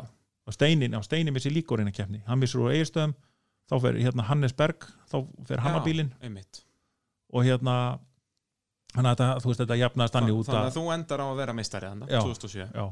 Síðan Og- koma máli við mig um haustið eftir hellukeppnina þá koma máli við mig Bræður Hafsteinn Þorvaldsson og, og hérna Og Haukur Þorvaldsson sínir og hérna og þeir fara eitthvað að spá í þetta og hvort að þetta væri gerlegt að koma þarna í hennar flokk og keppi þessu og, og hérna og ég held það nú og um leið og ég var búin að komast að því að hann ætti þarna hennar Vili Seppa sem var sem var hérna á Silvu Power að. Þekkti, ég þekkti bílinn og ég sagði pjakkurinn í dag að þeim já, og ég sagði við hana að þetta væri væri bara glæpur að eiga hana bíl og kepp ekki í Já, nákvæmlega. Og þeir koma en hann, hann, hérna, Hafsteinn, hann tjúnast eiginlega strax um veturinn eiginlega í það. Hann kaupir hérna uh, raunverulega. sérst, fr gamli Frosti eða nei, Nei, nei, nei, hérna Hrafninn hérna- Hrafnin akkurat sem var gamli Ramin já, einhver, einhver tíman þannig að hann raunverulega sko var eitthvað að pæli að setja þann bíl á númer.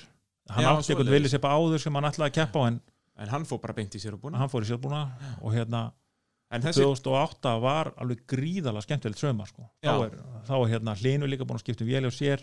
Þá er þetta alveg, hvað, 5-7 bílar í öllum keppnum eða Já. ekki göttubíla já, við vorum og Hannes Berg komið líka og, og orðin góður sko. Það hann kefti líka 2007 á sepa Já, einmitt. Sem að verður að bílni hjá Ingólfi fyrsta Já, guttana og, svo, já, já, já. Og síðan sko er hérna það sömari þá verður við reynlega sko uh, fimm keppnir fimm mismöndi sigurvegarar og í síðasta keppni síðasta braut þar raunverulega er ráðast. ráðast það sko. Þannig á þetta að vera. Já, já, og þetta var alveg þetta var alveg geðveitt sömar sko.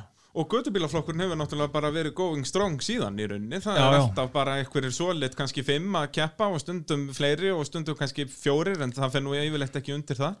Nei, en þetta er Og hérna en, en, Bara hérna, frábær leið til að byrja. Já, já, Og við höfum ég- líka séð marga fara í gegnum þennan flokk til að byrja að já, flestir sem eru í sérbúnfloknum sem að hafa verið að gera eitthvað þeir komu úr göttbúrfloknum já, það er svolítið svoleiði sko. Og hérna en uh, ég er nú alltaf að leiðin í datur sko Já, hvað, þú en það viljið sinni þegar ekki? já, já, hann er nú sestur Helgan Stein sko. Hann er, Nú, já, já, og ég er hérna búin að vera safna dót í nýjan bíl og, og hérna og er svona stefn alltaf á það að koma aftur en ég, já, mér var það að opna bílavestæði eða svona bílavestæði skástrygg jeppabreitinga fyrirtæki og, nú það er svoleiðis. Og hérna þannig að ég er alltaf að vinna þar og, og ég hef ótrúlega lítinn tíma sko þannig að Já, það er bara, það bætir við einni liftu þarna og, og hefur eitt torfari bíl á kantinum þetta er allt inni hjá mér sko. Þetta er allt inn á vestæði en ég er horfa á þetta alltaf hverjum degi sko Já, þetta er alveg ferlegt fyrir fíkilinn maður. Já, já, þetta er mjög erfitt fyrir fíkilin sko. Verið að pína þið alla daga. Já, Og svo áttu Jarisinn líka þannig að það er bara sérst, full season í rallycrossi og torfæri 2020 Þið heyrðu það fyrst hér, gott fólk.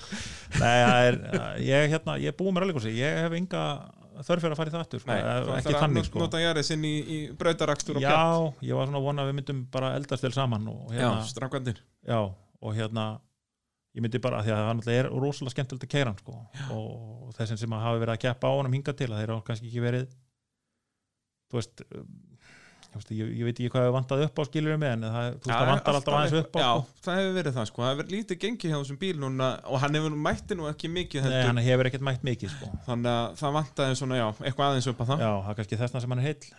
Það geti verið, það væri kannski annað ef það væri búið að keppa á hann stanslegt í 15 ár já. En þessi bíl kostaði náttúrulega mikið og raunverulega þegar hann mætir á ráslínu fyrstu keppni að þetta var rosalega flott.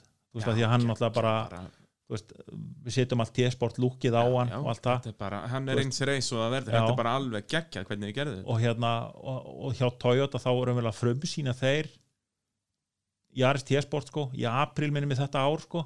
Já, og þessi kemur í keppni í mæ þú veist, með nákvæmlega sama lúkinu og allt þetta og, og þú veist, og eins og ég var að tala um áðan sko, þetta hafi farið ringin sponsið sko, þá hafi verið, var umverulega hérna fólk sem var að ringin, skilur mig í varalituna í Toyota og voru að byggja mig eitthvað hluti, já ég er með Jaris eins og ég sá í sjónvarpinandi í þættinum að það, hversu geggjað er þú það? veist, og það var rosa gaman og hérna, þannig að þú veist, þetta var, þetta var ótrúlega skemmtilegt æfintýri og hérna, og gekk alveg vel upp sko, en hann kostaði þegar ég var búin að kaupa hann læsingun og það þá kostaði hann í útleðin peningum jafn mikið og Jaris T-sport út úr umbúðinu Já, það er svo leis. Það er, já, þannig að hann kosti, þú veist, þetta játti nótur og alls konar pappira yfir það er bara 2 miljónir þetta var ekki, ekki beint ódýrt.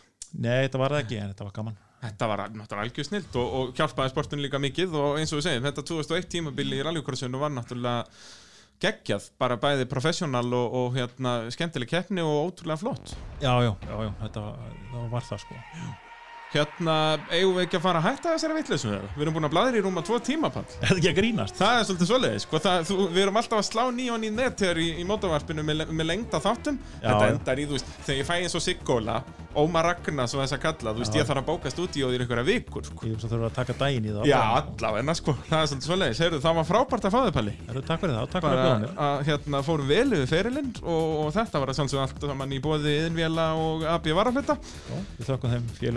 Heldur betur. Uh, og já, þið hlustendur, ef þið eru búin að þrauka allan tíma, þá vil ég þakka ykkur kærlega fyrir það. Og uh, þangað til næst, bless, bless.